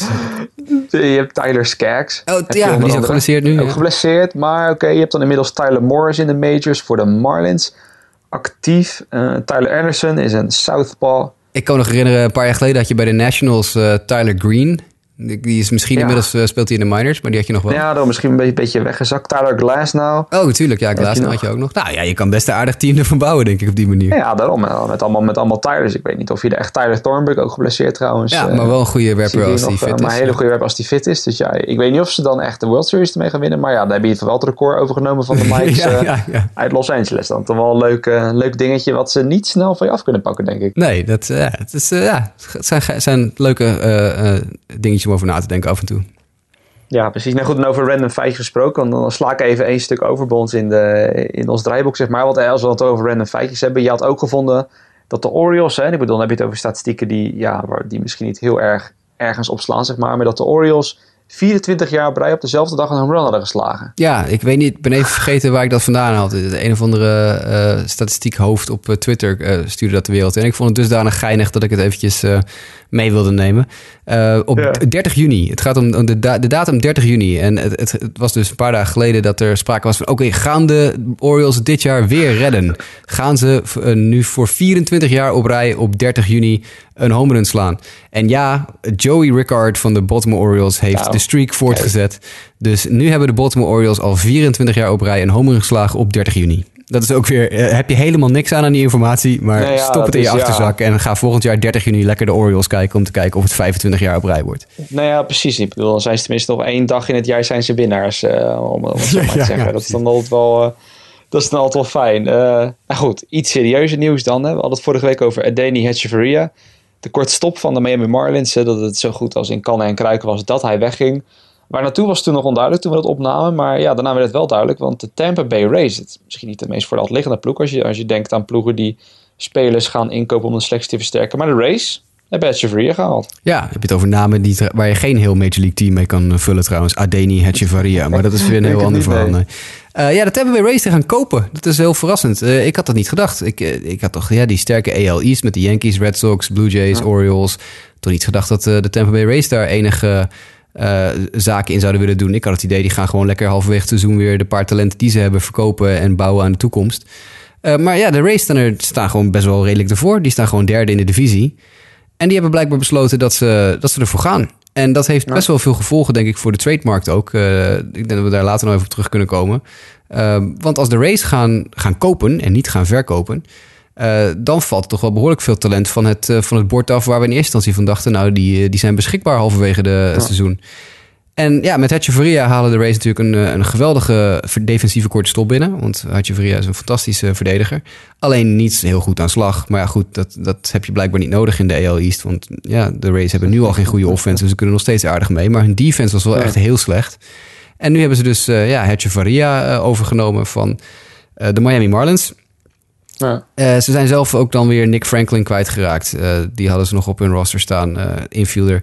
Die is naar de LA Angels gegaan. Twee dagen na de deal voor Hetcheverria. Dus blijkbaar was dat een voorbode voor de toekomst van Nick Franklin. Ja. Dat Hetcheverria binnen werd gehaald en hij weg mocht. Ja, precies. Dat is dan trouwens wel weer naam. Als we over talent hebben waar ooit meer van werd verwacht. Nick Franklin kan bij de Mariners ja. winnen. Daar zaten ze echt jaren op te wachten. Maar, uh, Geloofde ik ook heel erg in, uh, Nick Franklin. Maar ja. dat, zo zie je maar weer. Uh, ook heb je nog zo'n grote mond over prospects. Je kan er ook best wel vaak naast zitten. Ja, precies. Maar wat je zegt, de race, ja, verrassend. Ik bedoel, het is misschien ook een beetje het, het feit. Hè, de race zijn nou eenmaal een team dat ja, toch vaker, in ieder geval zolang je me kan heugen, vaker niet meedoet dan wel meedoet in de divisie. En ja, als je dan toch een beetje binnen handbereik bent, ja, waarom dan niet? Ik bedoel, je kan wel constant bouwen aan de toekomst, maar als het dan toch een beetje kan, ja, oké, okay, je kan natuurlijk wel zeggen, hè, die payroll van de Red Sox, uh, die, die is veel groter en die hebben veel meer grote namen. Maar ja, als je niet probeert. Hè? Nee, precies, zo is het. Ja. Dus benieuwd uh, wat ze daarmee gaan doen. Uh, ja, tot slot, eigenlijk het, het, laatste stukje van ons nieuwsblokje is ja, eigenlijk misschien wel de meest heugelijke dag van de week die het was. Ik denk dat veel honkbalvolgers op Twitter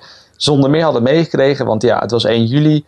En dan weet iedereen natuurlijk, dan is het Bobby Bonilla Day. Ja, het Sport Amerika Twitter-account had het ook nog eventjes uh, eruit gegooid. Uh, kon ja. ik wel waarderen. Uh, toen hadden wij al bedacht dat we het erover gingen hebben. Maar het was inderdaad 1 juli is Bobby Bonilla Day.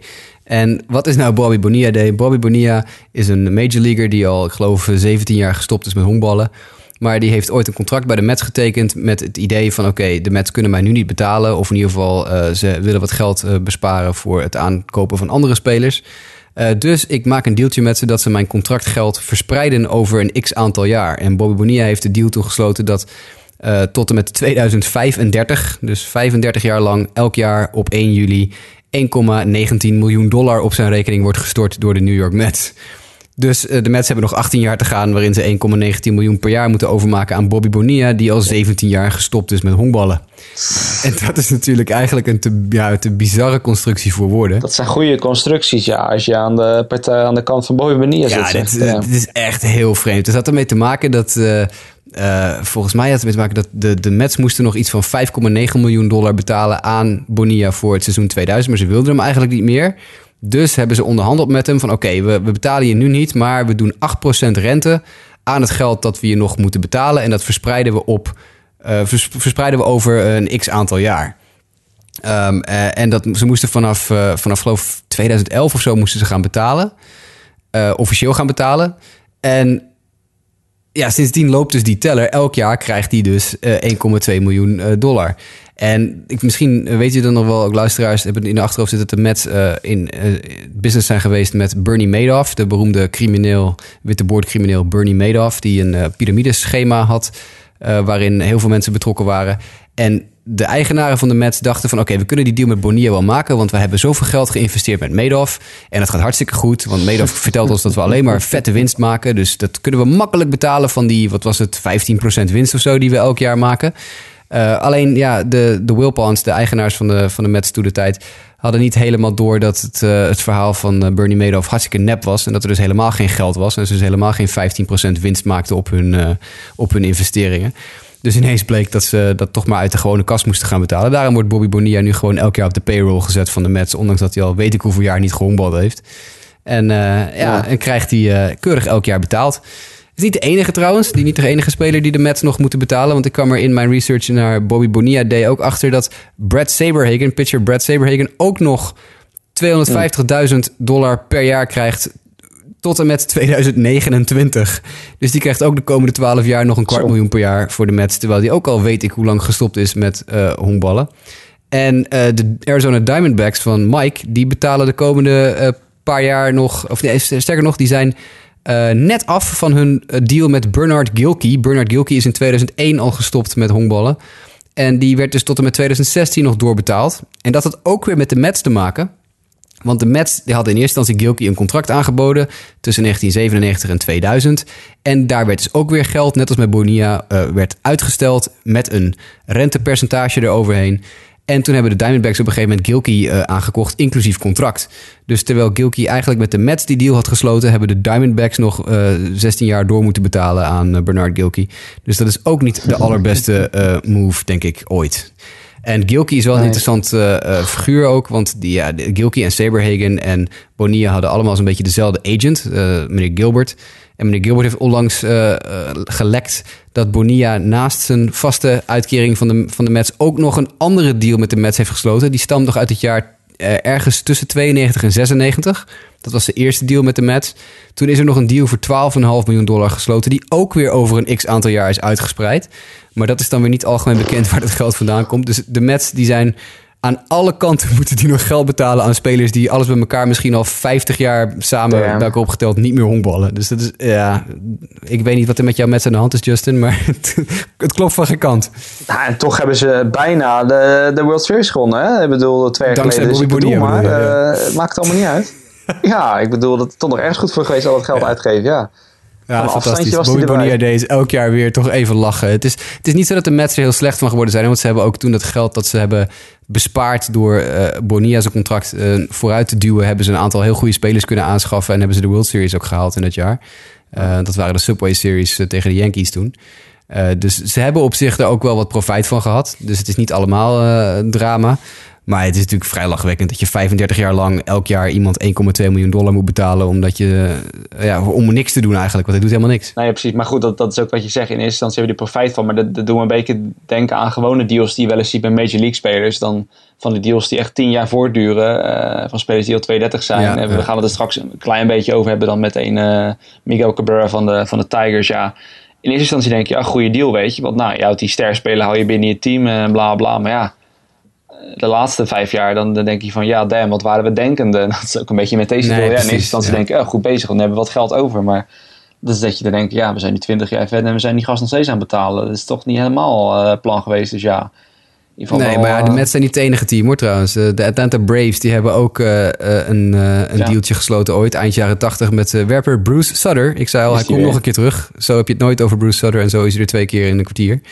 Uh, maar die hebben eind jaren 80 een 30-jarige afbetalingsregeling getroffen met Bruce Sutter. En uh, dit jaar was het 29ste jaar. Dus uh, ze moeten nog één jaar. En die maken elk jaar 1,3 miljoen dollar over aan Bruce Sutter. Al 30 jaar lang. dus ja, het is. ik, ik weet niet zo goed. Volgens mij zijn er niet zo heel veel teams die dit echt meer doen. Dit zo uitspreiden. Je hebt wel eens backloaded contracts. Contracten die echt heel erg zwaar worden naarmate het einde in zicht komt. Hè. Max Scherzer heeft zo'n contract. Die verdient ontzettend veel.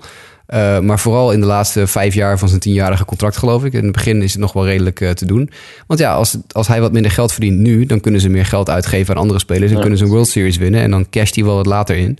Maar dit soort uh, constructies, dat een speler die al weet ik hoe lang niet meer speelt, toch nog zoveel uitbetaald krijgt, die zie je niet ja. heel veel meer tegenwoordig. Nee, nee, ik vind het grappig ook wel het contrast dan nu, nu dat ze zegt, hè, van dat veel contracten dan backloaded zijn. Dat, het verschil heel groot is met bijvoorbeeld een NFL, American voetbal, waar uh, spelers juist nog bekend staan om heel veel contracten af te dwingen die vooral aan de frontkant heel erg uh, loaded zijn. Dat ze in het eerste jaar gigantisch veel krijgen. En dat is dan vooral geloof met het oog op van hè, stel dat ze een zware blessure krijgen. En dan zitten die teams die met gigantische contracten die, uh, die, die carrières beëindigen en dat zij nog heel veel moeten betalen. Dat ja. dat het daar een beetje zo werkt, maar uh, ja, wel apart hoe dat dan werkt. Maar inderdaad, van de laatste jaren kan ik me niet meer herinneren dat dit soort deals nog een rol van betekenis spelen. Ja, het is natuurlijk wel een beetje raar. Ook kan ik me voorstellen dat het voor die spelers wel leuk is. Want ja, we wilden niet elk jaar een kerstbonus van... Uh, hè, zoals Bruce nee, van 1,3 miljoen dollar. Ik, ik zou ervoor tekenen. Ik besef in ieder geval dat ik het verkeerde carrièrepad heb gekozen. Maar, uh, ja, ik ook. Echt totaal, ja. Al wat betreft geld. Maar goed, uh, dat terzijde. Um, ja, tot slot het blessureblokje. ja, daarvoor hadden we eigenlijk heel erg hard Mike nodig. maar ja, Mike die staat zelf op de DL. Dus ja, uh, Jasper, ga ik aan jou vragen. Wil, je, wil jij het rijtje doen of gaan we het splitsen? Uh, hoe we het aanpakken? Nou, we kunnen hem gewoon doorlopen. En als we er iets over te zeggen hebben, dan kunnen we er iets over zeggen, denk ik. Uh, het is niet zo'n heel uh, groot lijstje, gelukkig, nou, ja, deze keer. het zijn toch wel een paar aardige namen. Er zitten wel wat dikke namen bij, ja. Dat is, uh, dat is wel interessant. Ten eerste hebben we natuurlijk ja, Dustin Fowler. We hebben hem al even genoemd van de Yankees. Na, na een halve inning, einde seizoen met een gescheurde knieën situatie. Maar ook grote namen Trey Turner ja. heeft zijn pols gebroken. Dus die is er een tijdje uit. Uh, dat is denk ik wel een aderlating voor de Nationals. Ja, zeker. Ik bedoel, Trey Turner die, die, die was gewoon met gestolen honken geloof ik van de week echt... Uh, ja. Uh, ging, die, ging, die als een, ging die als een trein. En ja, het is zeker een speler die ze, die ze gaan missen. En die lead-off spot. Ja, dat is, hij was de, de dader tijdens het Miguel Montero Jake Arrieta verhaal. Met geloof ik vijf, vijf, of zes ja. gestolen honken in één, uh, in één wedstrijd. Uh, Chase Anderson, werper van de Milwaukee Brewers, heeft een oblique strain uh, opgelopen. Daar is de oblique ook weer. Die hebben we dit jaar ook al een paar keer gehad. Tyler Austin, een van de Tylers van de Yankees, heeft een hamstringblessure en is eventjes eruit. Was er pas net? ja, die was er ook pas net. Ja, dat is ook een heel lullige situatie. Uh, Jake Patrica van de White Sox, een reliever van de White Sox, heeft een uh, elleboogverrekking. Die is er even uit. Dat komt me goed uit, want die speelde verder ook waardeloos. Uh, Nick Ahmed van de Arizona Diamondbacks heeft een gebroken rechterhand. Dus die zien we voorlopig niet meer terug. Chris Bryant is niet naar de DL gestuurd. Dat is de enige van dit rijtje tot nu toe die niet op de DL staat. Maar die heeft wel een day-to-day injury met een enkel blessure. En dat zag er toch wel vrij nasty uit van de week. Dus toch even in de gaten houden hoe Chris Bryant het vol gaat houden. Uh, Brandon Finnegan, heel lullig verhaal. Lang geblesseerd geweest sinds ja. de Reds pitcher. Zal ik terugkijken? Ja, ja, is net terug. En nu heeft hij zijn linker trapezius verrekt. En voor de mensen die uh, willen weten waar uh, de trapezius zitten... de trapezius zit in je nek en je schouder en je bovenrug. Dat is een soort ja, driehoekigachtige spiergebied... dat vanaf je nek naar halverwege je rug naar halverwege je schouder loopt. Dus aan de linkerkant van zijn, dat is zijn gooiarm, hij is linkshandig... heeft hij daar zijn schouder, eigenlijk zijn nek verrekt... Heel vervelend voor Brandon Finnegan. Uh, ja, uh, nou Justin, wil jij Robert Gezelman dan even doen als we het toch over Mets uh, drama hebben? ja, nou, toevallig, ik, moet zeggen, ik heb het afgelopen week iets minder goed gevolgd dan normaal. Maar jij wist me inderdaad wel weer erop te attenderen dat het wat betreft blessures in de starting rotation weer even iets, iets minder ging. Ik had het laatst erover tegen Mike, dat ik nog zei van, nou ja, hè, de starting rotation is zo goed als fit weer. maar ja, toen zag ik laatst alweer dat iemand, dat dat ene Rafael Montero weer in de rotation opdook. Toen dacht ik al even, oh jee, wat is er nou weer gebeurd? En ja, toen zag je inderdaad dat mijn, mijn grote vriend Robert Kezelman, waar ik voorafgaand aan het seizoen nog ja, vol lof over sprak, dat ik wel dacht dat hij even Rookie of the Year binnen ging slepen. Ja, op het veld was het al niet helemaal uh, je van net altijd. En ja, nu ook een hamstringblessure. Dus ik, weet niet, heb je, ik weet niet of jij de status voor je hebt van hoe lang het ongeveer gaat duren. Nou, hij is op de 10 day DL gezet. En ja, ja dus het dat zal, zal zeker een weekje of twee duren hoor. Dat, dat zie ik niet zo snel gebeuren. Um, lullig voor hem. Maar ja, ook niet zo'n heel goed jaar. Dus misschien is een breakje wel even goed voor hem. Dan hebben we werper Mark Melanson van de San Francisco Giants... die een pronator strain heeft. Daar hebben we de pronator weer. Is ook al heel vaak teruggekomen in uh, de podcast. En doordat Melanson geblesseerd is... is nu, uh, daar is onze grote vriend weer Sam Dyson...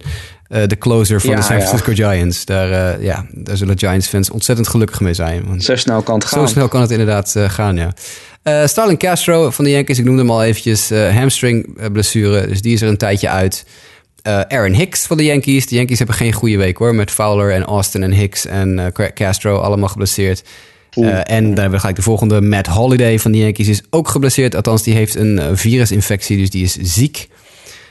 en Hicks heeft een oblique strain. Austin Jackson van de Cleveland Indians heeft een quad strain, een beenblessure. Brandon McCarthy heeft knie, een knieontsteking, niet tendinitis, dus dat is uh, ook einde verhaal. Nou zijn de Dodgers wel supergoed in het uh, jongleren met hun 10-day DL-spot en, en hun werpers. Want die hebben natuurlijk zoveel werpers, die moeten allemaal genoeg mm. tijd krijgen. Maar het lijkt erop dat McCarthy echt wel geblesseerd is.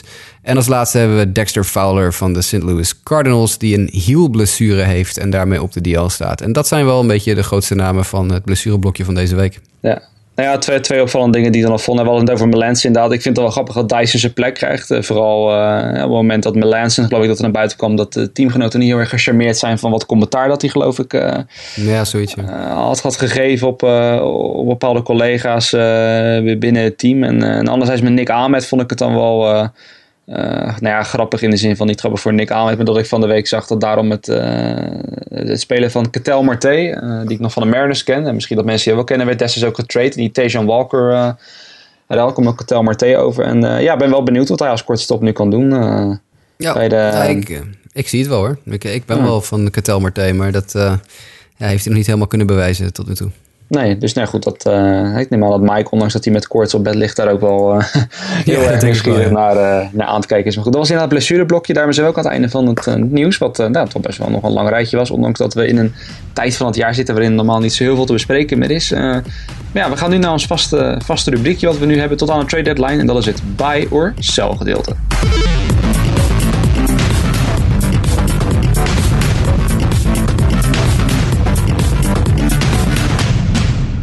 Yes, nou goed, het buy or sell gedeelte. Uh, ja, elke week mag een redacteur uh, ja, min of meer een beetje zijn eigen team of spelers pitchen uh, die hij interessant vinden met betrekking tot de buy or sell periode. Vorige week hadden we Lionel, die had het over, over de Phillies als team. Uh, die overduidelijk niet meer meedoen, maar ja, wat, wat kunnen ze dan doen? Wat moet hun strategie worden?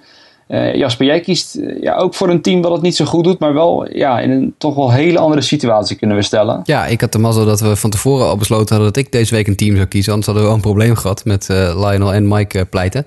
maar nee, er zijn interessante ontwikkelingen op tradegebied. En ik, ik, koppel hem toch weer even ook aan Adeni Hatchevaria op deze manier. -huh. die waar we het net al even over hadden. De Tampa Bay Rays, die ineens verrassend genoeg buyers zijn, die gaan dus kopen.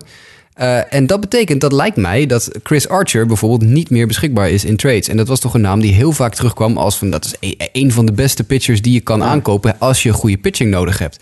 En dat betekent dat dus nu bijvoorbeeld uh, werpen als Sonny Gray van de Athletics, of, of Jose Quintana van de White Sox, of Garrett Cole van de Pirates ineens een, een stuk interessanter zijn. Maar er is nog één werper van één team waar ik het even over wil hebben, die ineens overal naar voren komt als potentiële versterking voor een, uh, een playoff team. En dat is Justin Verlander van de Detroit Tigers. Want, wie had dat gedacht? Ja, wie, wie had dat gedacht? En wie had gedacht dat de Tigers op dit moment in dit seizoen zo ontzettend in dubio zouden zitten wat ze zouden moeten doen? Want ja, wat is er eigenlijk met de Tigers aan de hand? De Tigers die, die doen het gewoon eigenlijk heel matig. Die, die hebben een dramatische boelpen. Er is werkelijk waar geen land mee te bezeilen met die boelpen. Maar een starting pitching, bijvoorbeeld met... Eh, Verlander heeft een, een mooi seizoen. Uh, Zimmerman is gewoon ronduit slecht. Uh, Michael Fulmer doet niet helemaal precies wat hij moet doen. Uh, Matt Boyd heeft niet gebracht wat ze hoopten van dat hij zou, zou brengen. En de aanval loopt ook niet heel erg super soepel. Dit is eigenlijk een team dat gewoon moet gaan verkopen, lijkt mij. Maar ja, dan zie je die namen. Ik bedoel, je hebt het over verkopen. Uh, Miguel, 34-jarige Miguel Cabrera met een megacontract. 35-jarige Ian ja. Kinsler. En, uh, ja, zo zijn er nog wel meer dingen die ik denk wel heel moeilijk gaan maken vinden om te, om te cellen. Nou, en dat is het interessante aan de Detroit Tigers. Als je kijkt naar uh, de leeftijden van de Tigers, die hebben, uh, en dan pakken we even gewoon de, de oudste uh, rij spelers erbij. En dan kijken we even naar hun contracten inderdaad. Victor Martinez is de oudste, die is 38. Die verdient dit jaar nog 18 miljoen dollar en volgend jaar 18 miljoen dollar. En dan is hij een free agent. Ik denk niet dat je Victor Martinez op dit moment aan de straatstenen kwijt kan raken. Want dat is veel te veel geld en hij is veel te oud en niet goed genoeg, denk ik, om zoveel geld te verdienen. Ian Kinsler, die verdient dit jaar nog 11 miljoen, maar verdient volgend jaar. Uh, heeft hij een uitkoopbedrag van 5 miljoen en een teamoptie van 12 miljoen. Uh, dan kan hij dus of free agent worden of voor 12 miljoen bijgetekenen. Daar zou je nog wel iets voor kunnen krijgen. Hij heeft niet een supergoed seizoen, Kinsler, maar het is ook niet heel super duur. 11 miljoen nee. dit jaar en 12 miljoen volgend jaar voor een potentiële all-star tweede honkman is dat nog te doen. Dus die zou je nog kwijt kunnen raken. Um, dan hebben we Miguel Cabrera inderdaad. Je zei het al, 34 jaar. Nou, die heeft nog een contract dat doorloopt tot 2023. En die verdient, ja, echt. Die verdient dit jaar, uh, dan is hij dus 40 hè, in 2023. Dan verdient hij 32 miljoen in dat jaar. Het jaar daarvoor ook 32 miljoen. In 2021 30 miljoen. In 2020 30 miljoen. In 2019 30 miljoen. In 2018 30 miljoen. En dit jaar verdient hij over het hele jaar verdient, uh, 28 miljoen. Maar daar is dus nu uh, niet heel veel meer van over. Daar is de helft al van, van weg. Ja. Dat contract raak je ook aan de straatstenen niet kwijt. Dat is heel simpel. Uh, maar dan kom je bij Justin Verlander, 34 jaar oud. Die verdient dit jaar 28 miljoen dollar. Volgend jaar 28 miljoen dollar. 2019 28 miljoen dollar. En in 2020 heeft hij een 22 miljoen dollar vesting option. Als hij dus een x aantal innings gooit in het jaar ervoor, dan gaat die uh, contractoptie automatisch lopen. En dan zou hij dus 22 miljoen verdienen in 2020. Tegen die tijd is hij ook al 38.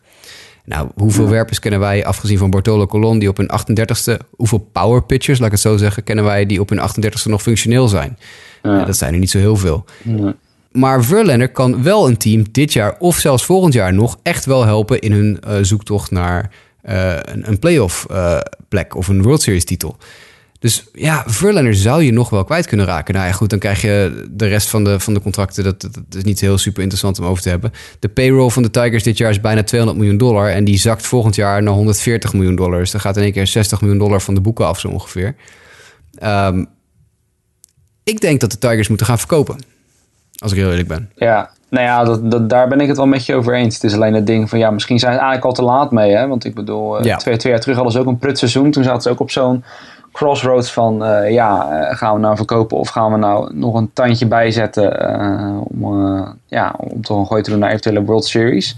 Dan weet ik niet uit mijn hoofd of dat ook het offseason is waarin bijvoorbeeld Jordan Zimmerman is gehaald. Oh, daar heb je nog een naam, jemig. Ja, ik, dacht al, ik dacht namelijk wel dat hij er toen na dat seizoen erbij is gehaald. Een beetje onder het mond van, hè, dan gaan we volgend jaar weer een stap vooruit zetten. Deels even wat minder, maar het kwam wel met al die ervaren namen. Nou, vorig jaar hebben ze een verdienstelijk seizoen gedraaid. ja, goed, uiteindelijk zonder prijzen, maar uh, ze deden wel tot aan het einde in ieder geval mee binnen de eigen divisie. Uh, met betrekking tot uh, de, de, de strijd om de nummer 1 positie die uiteindelijk naar de Indians ging.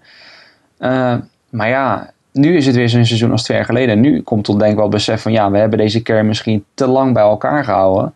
En nou ja, goed, jij wist me vooraf te vertellen, het aantal talenten dat hè, van onderaan zeg maar, aan de deur klopt, dat zijn er ook niet heel erg veel. Sterker nee, gezegd, misschien nee, gewoon nee. helemaal niemand.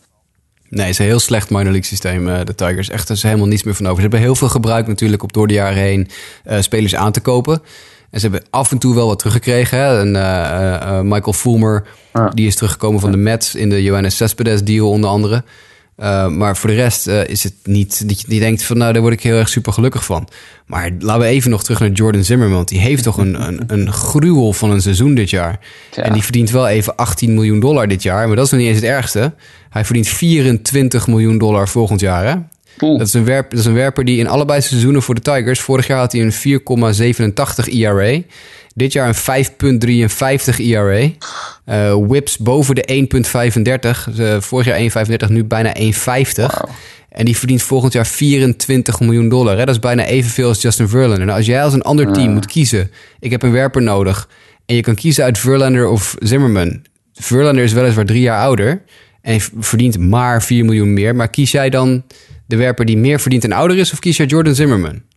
Ja, Kies jij Verlander of kies je Zimmerman? dan kies je voor Verlander toch? Ja, tuurlijk. Ja, tuurlijk kies je dan voor Verlander. Want Zimmerman, dat is helemaal... Wat een achterlijk contract is dat nu, zeg. Dat, ja, dat was toen al niet heel best. Er werd toen al behoorlijk uh, lacherig over gedaan. Maar mijn hemel, wat een ontzettende idiote move is dat geweest. Dat is de, een van de laatste contracten van Dombrowski, geloof ik, geweest. Ja. Wat een idiote ja, de, de, de, Nationals hebben op dat uh, punt het wel iets beter gedaan... met dat ze uiteindelijk Max Scherzer... Uh, ja, zeker. Ja, dat is ook een, ook een gigantisch contract. En, maar dat is... ja, precies. En hadden daar de Tigers misschien beter wel hun geld aan kunnen, aan kunnen uitgeven. Wat ze in bijvoorbeeld de contracten van Jordan Zimmerman hebben gestopt. Maar ja. Nou, echt wel, ja.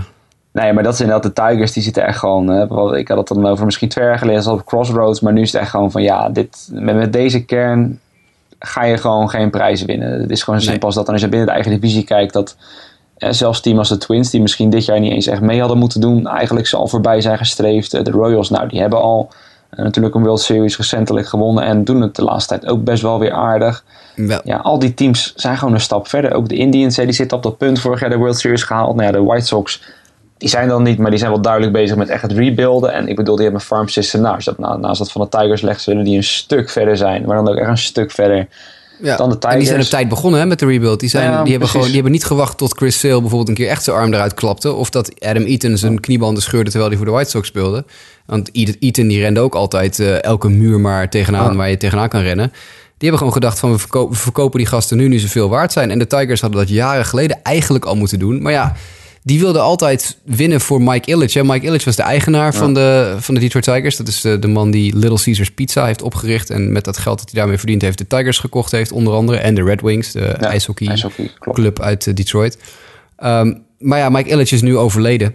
Dus dat, eh, nu hoeft het niet meer. En nu zou het prettig zijn als ze inderdaad die grote contracten en die oude spelers kunnen lozen. Maar dat gaat ze nooit meer lukken natuurlijk. Nee, daar is nu gewoon inderdaad eh, te laat voor. Maar ja, doet me een beetje denken in zekere zin tot de Angels. In de zin van, ja, het, het is gewoon best wel een niet-zeggend team nu eigenlijk. Hè? Een team dat eigenlijk dan eigenlijk veel te passief heeft gehandeld. En dan misschien wel ergens een deeltje doet. En nou ja, je zei net, Cespedes hebben ze dan toen ooit eh, weggeruild voor, voor Michael Fulmer. Maar ja, het is dan maar één deeltje. Maar ja, met, met, met één zo'n deeltje kom je er niet.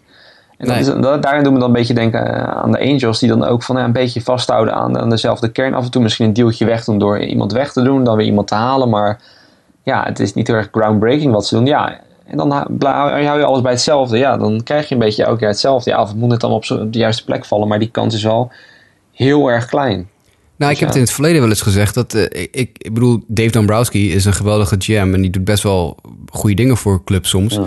Maar die doet nu bij de Red Sox eigenlijk hetzelfde wat hij bij de Tigers altijd gedaan heeft. Namelijk als een prospect verkopen voor gevestigde sterren. Dat heeft hij gedaan bij de Tigers toen hij Miguel Cabrera binnenhaalde voor een sloot. Onder andere Andrew Miller en- en Cameron Maben, die ook een fantastisch seizoen heeft dit jaar tot nu toe. Eh, tuurlijk, ik heb liever Miguel Cabrera dan Andrew Miller en, Andrew, en Cameron Maben. Eh, zeker in de periode dat de Tigers hem gehad hebben. Eh, maar er zijn best wel veel prospects verkocht door de jaren heen door de Tigers in ruil voor goede spelers. Dat is waarom ze nu ook geen minor league systeem hebben. En je ziet hem nu bij eh, de Boston Red Sox hetzelfde doen. Hè? Dat pakket wat hij naar de White Sox heeft gestuurd voor Sale. Tot nu toe werkt dat behoorlijk, want Sale doet het hartstikke goed. En die andere spelers doen het bij de White Sox prima in de minors. Dus dat is een win-win voor iedereen. Eh, alleen de Red Sox draaien daar niet zo goed dat je zeker weet dat ze de World Series gaan winnen dit jaar. Nee. Eh, en dat is de, de gok die Dombrowski elk jaar bij de Tigers ook genomen heeft. Die heeft als een, als een prospect verkocht in die zoektocht naar die World Series titel. Heeft maar één keer de World Series gehaald in al die jaren dat hij zijn hele minor league systeem leeg verkocht heeft. Dus de, het begint nu toch een beetje zo te worden van... is, is, is Dombrowski eigenlijk wel zo'n genie als we allemaal denken? Ja, nee, dat is inderdaad dan denk ik een goede, goede vraag inderdaad. En eh, het laatste dan nog over de Tigers wat ik eh, zou willen vermelden is dat... Wat ik wel grappig vond, je had in de laatste tijd heb je steeds meer, berichten die zeggen van hè, de Tigers zitten er serieus over na te denken om de boel te verkopen. Denk van nou ja, het werd is tijd. Maar daarnaast van ook dat ik dan laatst hoorde dat ze Annabel Sanchez wilden laten, hebben ze ook laten starten trouwens. Twee wedstrijden inmiddels. En toen hadden, ik geloof, broadcasters van de Mariners hadden het erover, dacht ik. Want die kwamen dan tegen hun te spelen. Dat zeiden van ja, het is eigenlijk wel raar. Annabelle Sanchez, dat die ineens in de rotation komt. Ik bedoel, verder helemaal niemand geblesseerd geraakt of zo. Hè? Waar, waarom doen ze dat? Maar dat dan het argument was van ja, waarschijnlijk doen ze dat in de hoop dat ze iets voor hem kunnen krijgen. Maar ja, ja.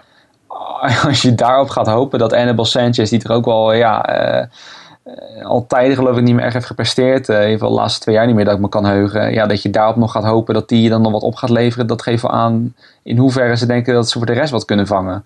Ja, dus ja nee, dat is absoluut uh, waar. Hij verdient ook wel eventjes 17 miljoen hè, dit jaar, uh, Annabelle Sanchez. Oeh, dat, dat wist ik dan ja. niet. Maar dat is wel, ja, ja, hij heeft nu dus twee keer gestart en 6,75 ERA. Dus ja, dat experiment dat loopt niet heel erg voor het varen. Dus ook die zullen ze denk ik niet heel erg snel kwijtraken. Dat, ja, of als ze nee. kwijtraken, dan is het misschien voor een paar straatstenen en that's it. Maar.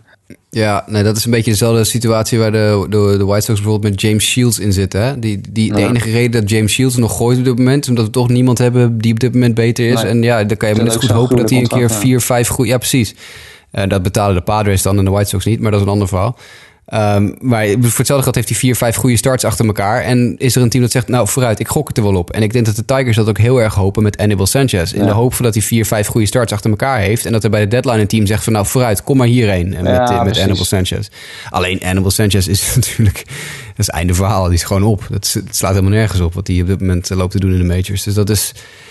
Ja, het zijn hele, hele vervelende situaties om als team in te zitten. Want er is ook geen hoop voor de toekomst. Dus Tigers fans, ik heb er best veel in mijn omgeving. En die zijn allemaal heel erg uh, pessimistisch over de toekomst van, uh, van de Detroit Tigers op dit moment. Ja. Nee, Wat zonde is, want het is echt... Uh, ik, ik, kom regelmatig in het stadion. Het is een mhm. schitterend stadion. Fantastische fans. En, en een, echt een hele erge ja, heel uh, geweldige honkbalervaring om bij de Tigers te zijn. Maar het zou leuk zijn als ze een keer een goed team uh, zouden hebben. Dat is niet ook echt meer aan de orde op dit moment, nee. Nee, nee zeker de toekomst. We hadden het over die divisie als je kijkt. Dat de Twins het jaar gaan rebuilden zijn geweest. De White Sox doen het nu. Ja, de, kans dat het de komende jaren snel goed gaat komen, ja, lijkt me klaar. Maar goed, we gaan het zien. En het is inderdaad denk ik wel een heel interessant team ja, om te gaan bekijken wat zij de komende week gaan doen. Want dat ze iets moeten gaan doen, dat dat staat volledig buiten kijf. Nou goed, dan hadden we het net dus over jouw White Sox. En we hebben toevallig wat mailback-vragen over. En nou, die gaan gelukkig voor jou ook over de White Sox. Just a bit outside.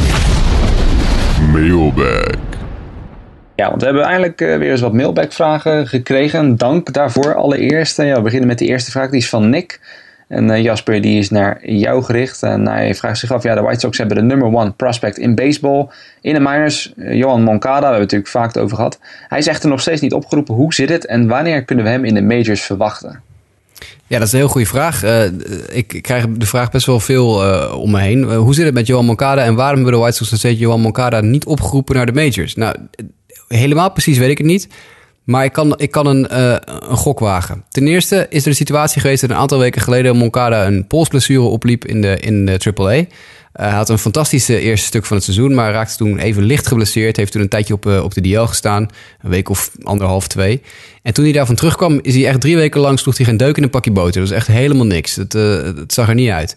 Uh, ja, dan ga je natuurlijk niet de speler oproepen. Uh, maar nu is er een volgend probleem met de White Sox. Namelijk dat ze eigenlijk te veel goede spelers hebben. Dat klinkt heel bizar om dat te zeggen over de White Sox op dit moment. Want het is natuurlijk geen goed team. Maar Moncada is een tweede honkman. En de White Sox stikken in de infielders op dit moment. Die hebben natuurlijk uh, Todd Frazier op drie, Tim Anderson op korte stop, Jose Abreu op één. En dan hebben ze op twee hebben ze een combinatie van Tyler Saladino, Jomer Sanchez en Alan Hansen. Die is onlangs binnengehaald van de Pittsburgh Pirates. Die kunnen alle drie uitstekend tweede honk spelen. En vooral Jomer Sanchez staat fantastisch te honkballen. Echt, echt gewoon heel goed honkballen. Heeft gewoon een vaste plek uh, verdiend nu in de line-up. Uh, mede door de blessure van Tyler Saladino, die uh, al tijdenlang op de DL staat met een rugblessure. En Alan Hansen is zo'n beetje de soort super sub geworden. Die speelt een beetje centerfield, mm. een beetje tweede honk, een beetje derde honk, een beetje korte stop, een beetje van alles wat. Dus er is eigenlijk in zoverre geen plekje voor Johan Moncada. Nou, je kan natuurlijk niet zeggen er is geen plek voor Johan Moncada, want het is de nummer één prospect in baseball. En dat is natuurlijk gewoon de speler die je een plek wil geven. Uh, maar ik denk dat de Whites op dit moment het zonde vinden om Jolmer Sanchez bijvoorbeeld naar de bank te sturen. Want die staat gewoon echt te goed te spelen. Ik denk uh, een tweede gedeelte van niks vragen is van hoe kunnen, wanneer kunnen we hem in de majors verwachten? Ik denk dat dit uh, afwachten is tot de eerste reeks trades die de White Sox gaan maken. En die gaan er komen. Want natuurlijk gaan er gaan wat pitchers verkocht worden. en er gaan wat veldspelers verkocht worden. En ik denk op het moment dat Todd Frazier verkocht wordt. En dat, dat kan niet anders dan dat dat een keer gaat gebeuren. Zeker nu die weer veel beter staat te spelen de laatste tijd dan, dan aan het begin van het seizoen. Eh, denk ik echt dat uh, als Todd Frazier verkocht wordt, dat er ruimte is voor Jolmer Sanchez om naar drie te schuiven. En op dat moment komt Johan Moncada. Als ik nu een gok moet wagen op het, uh, de call-up van Johan Moncada, zou ik zeggen, neig ik meer naar half juli, eind juli. Zeker na de All-Star break.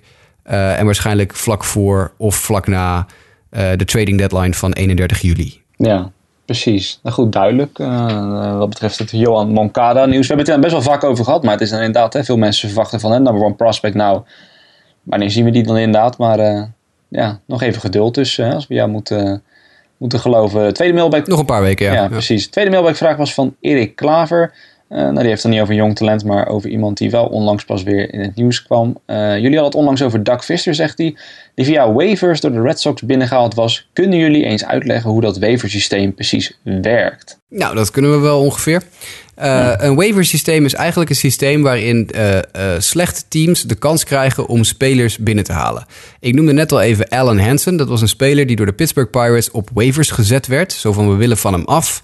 Uh, maar je kan, niet, je kan niet eindeloos een speler heen en weer blijven shuttelen tussen de minor league en de major leagues. Op een gegeven moment heb je geen optiejaren meer. Je kan minor leaguers kan je drie jaar achter elkaar zo vaak als je wil heen en weer naar AAA of naar AA schuiven. Maar op een gegeven moment is dat afgelopen. Dan heb je geen opties meer en dan moet een speler eerst op waivers gezet worden.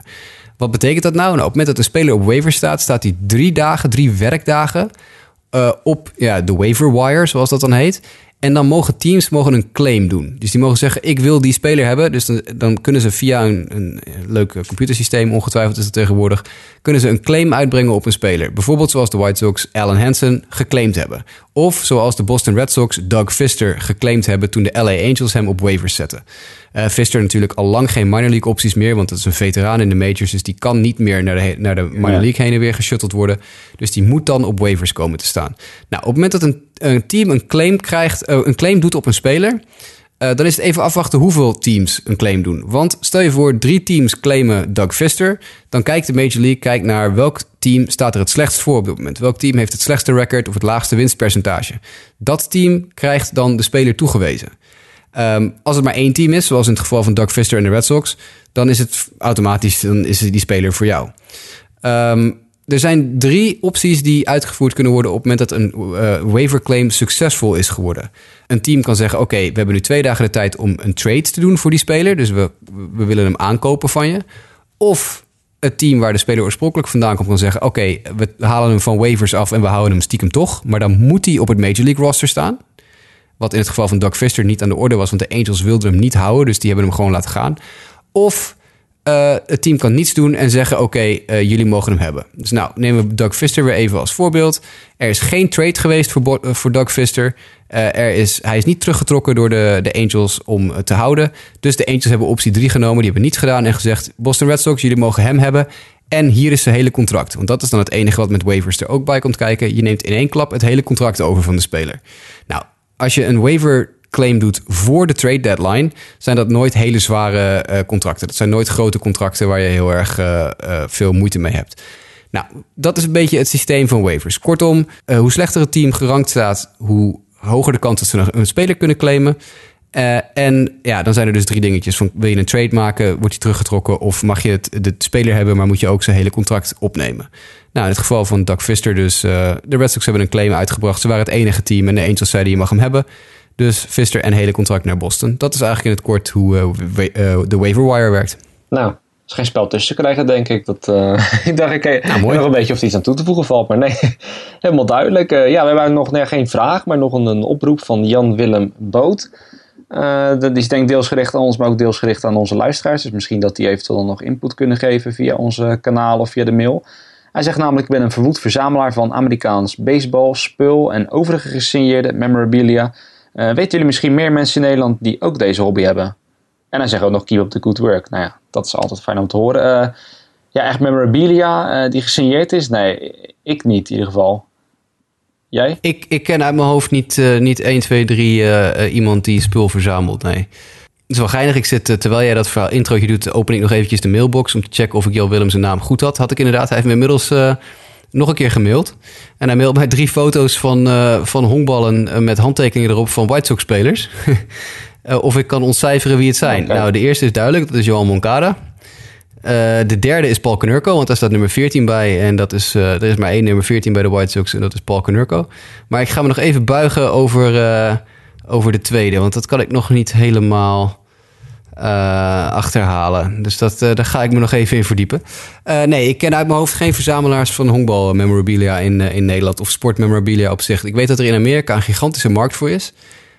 maar in Nederland heb ik er nooit echt heel veel van meegekregen. Dus misschien dat er inderdaad luisteraars zijn die zoiets hebben van... nou ja, ik, ik verzamel ook die zooi. En dan willen wij best eventjes dat van je horen. Want dan kunnen we daar even misschien wat mensen in contact brengen... die ja, elkaar misschien uh, kunnen helpen of dingen kunnen ruilen of wat dan ook. Ja, nou, wat je zegt, in Amerika is er echt een business. Ja, ik was toevallig uh, afgelopen jaar in Houston en toen was er ook zo'n echt winkeltje dat daarin, uh, dat daarin handelde. Echt een, is een, heel klein winkeltje dat er nog allemaal kaarten verkocht en dat soort dingen.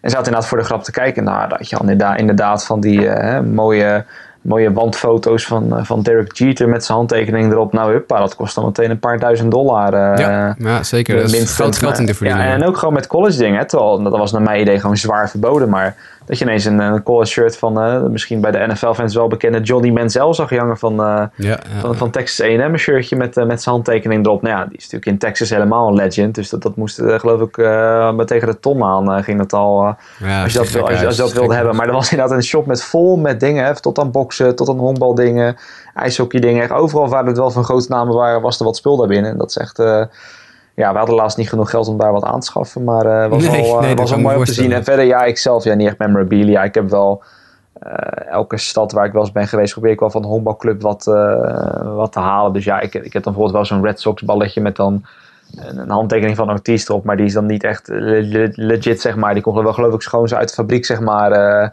netjes erop geprint en wel met dan nog zijn, zijn naam ook geprint erbij en zijn, zijn rugnummer. Maar ja, en verder overal, ik probeer een bobblehead overal mee te, mee te nemen, zeg maar. Dus ik heb eentje van, van je held, Paul Conurco, maar ook uh, Jose Altuve, en er Bogarts inmiddels. Uh, Starling Castro in zijn uh, tijden bij de Chicago Cubs. en Bryce Harper, onder andere. Nou geen bobblehead is dat als een knuffeltje. Bij de Washington Nationals deden ze helaas niet aan bobbleheads. Beetje apart, maar misschien omdat DC is dat ze daar iets andere dingen hebben. Dus dat heb ik dan zelf wel meer. Dat, dat valt dan niet echt onder die klassieke term van memorabilia. Maar wat Jasper zegt, ja, mocht je wel inderdaad van die gesigneerde balletjes zijn, uh, shirtjes, whatever. Uh, ja, stuur ons een mailtje of uh, hit us up op, op Twitter en laat ja, we kunnen je altijd, altijd met bepaalde mensen in contact brengen. Ik ben inmiddels denk ik achter wie de tweede handtekening is. Als ik zit er even naar te staren. Ik denk dat het Tim Anderson is, maar ik weet het niet zeker. Dus ik ga Jan Willem zo meteen wel even terugmailen en dan kijken of ik het allemaal goed heb. Maar uh, ik, ik, heb, ik, voel me redelijk vertrouwd met uh, en Moncada. Maar Tim Anderson is een gokje.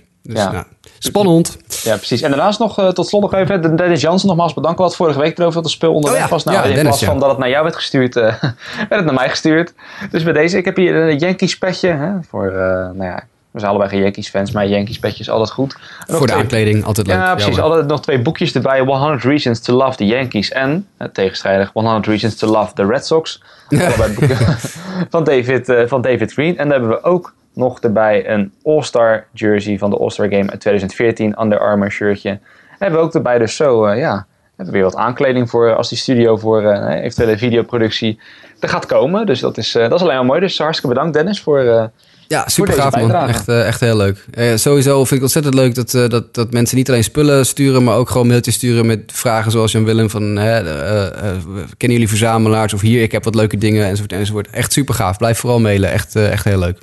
Ja, precies. En goed dat gezegd hebben, want we lopen een beetje uit geloof ik. Ja, we lopen een beetje uit. Zit het ook ja, al te kijken. Van, we zijn met z'n tweeën, maar dan gaat het juist fout blijkbaar. ja, tot slot dan even onze series to watch. voor volgende week beginnen we bij jou. D-backs Dodgers, punt.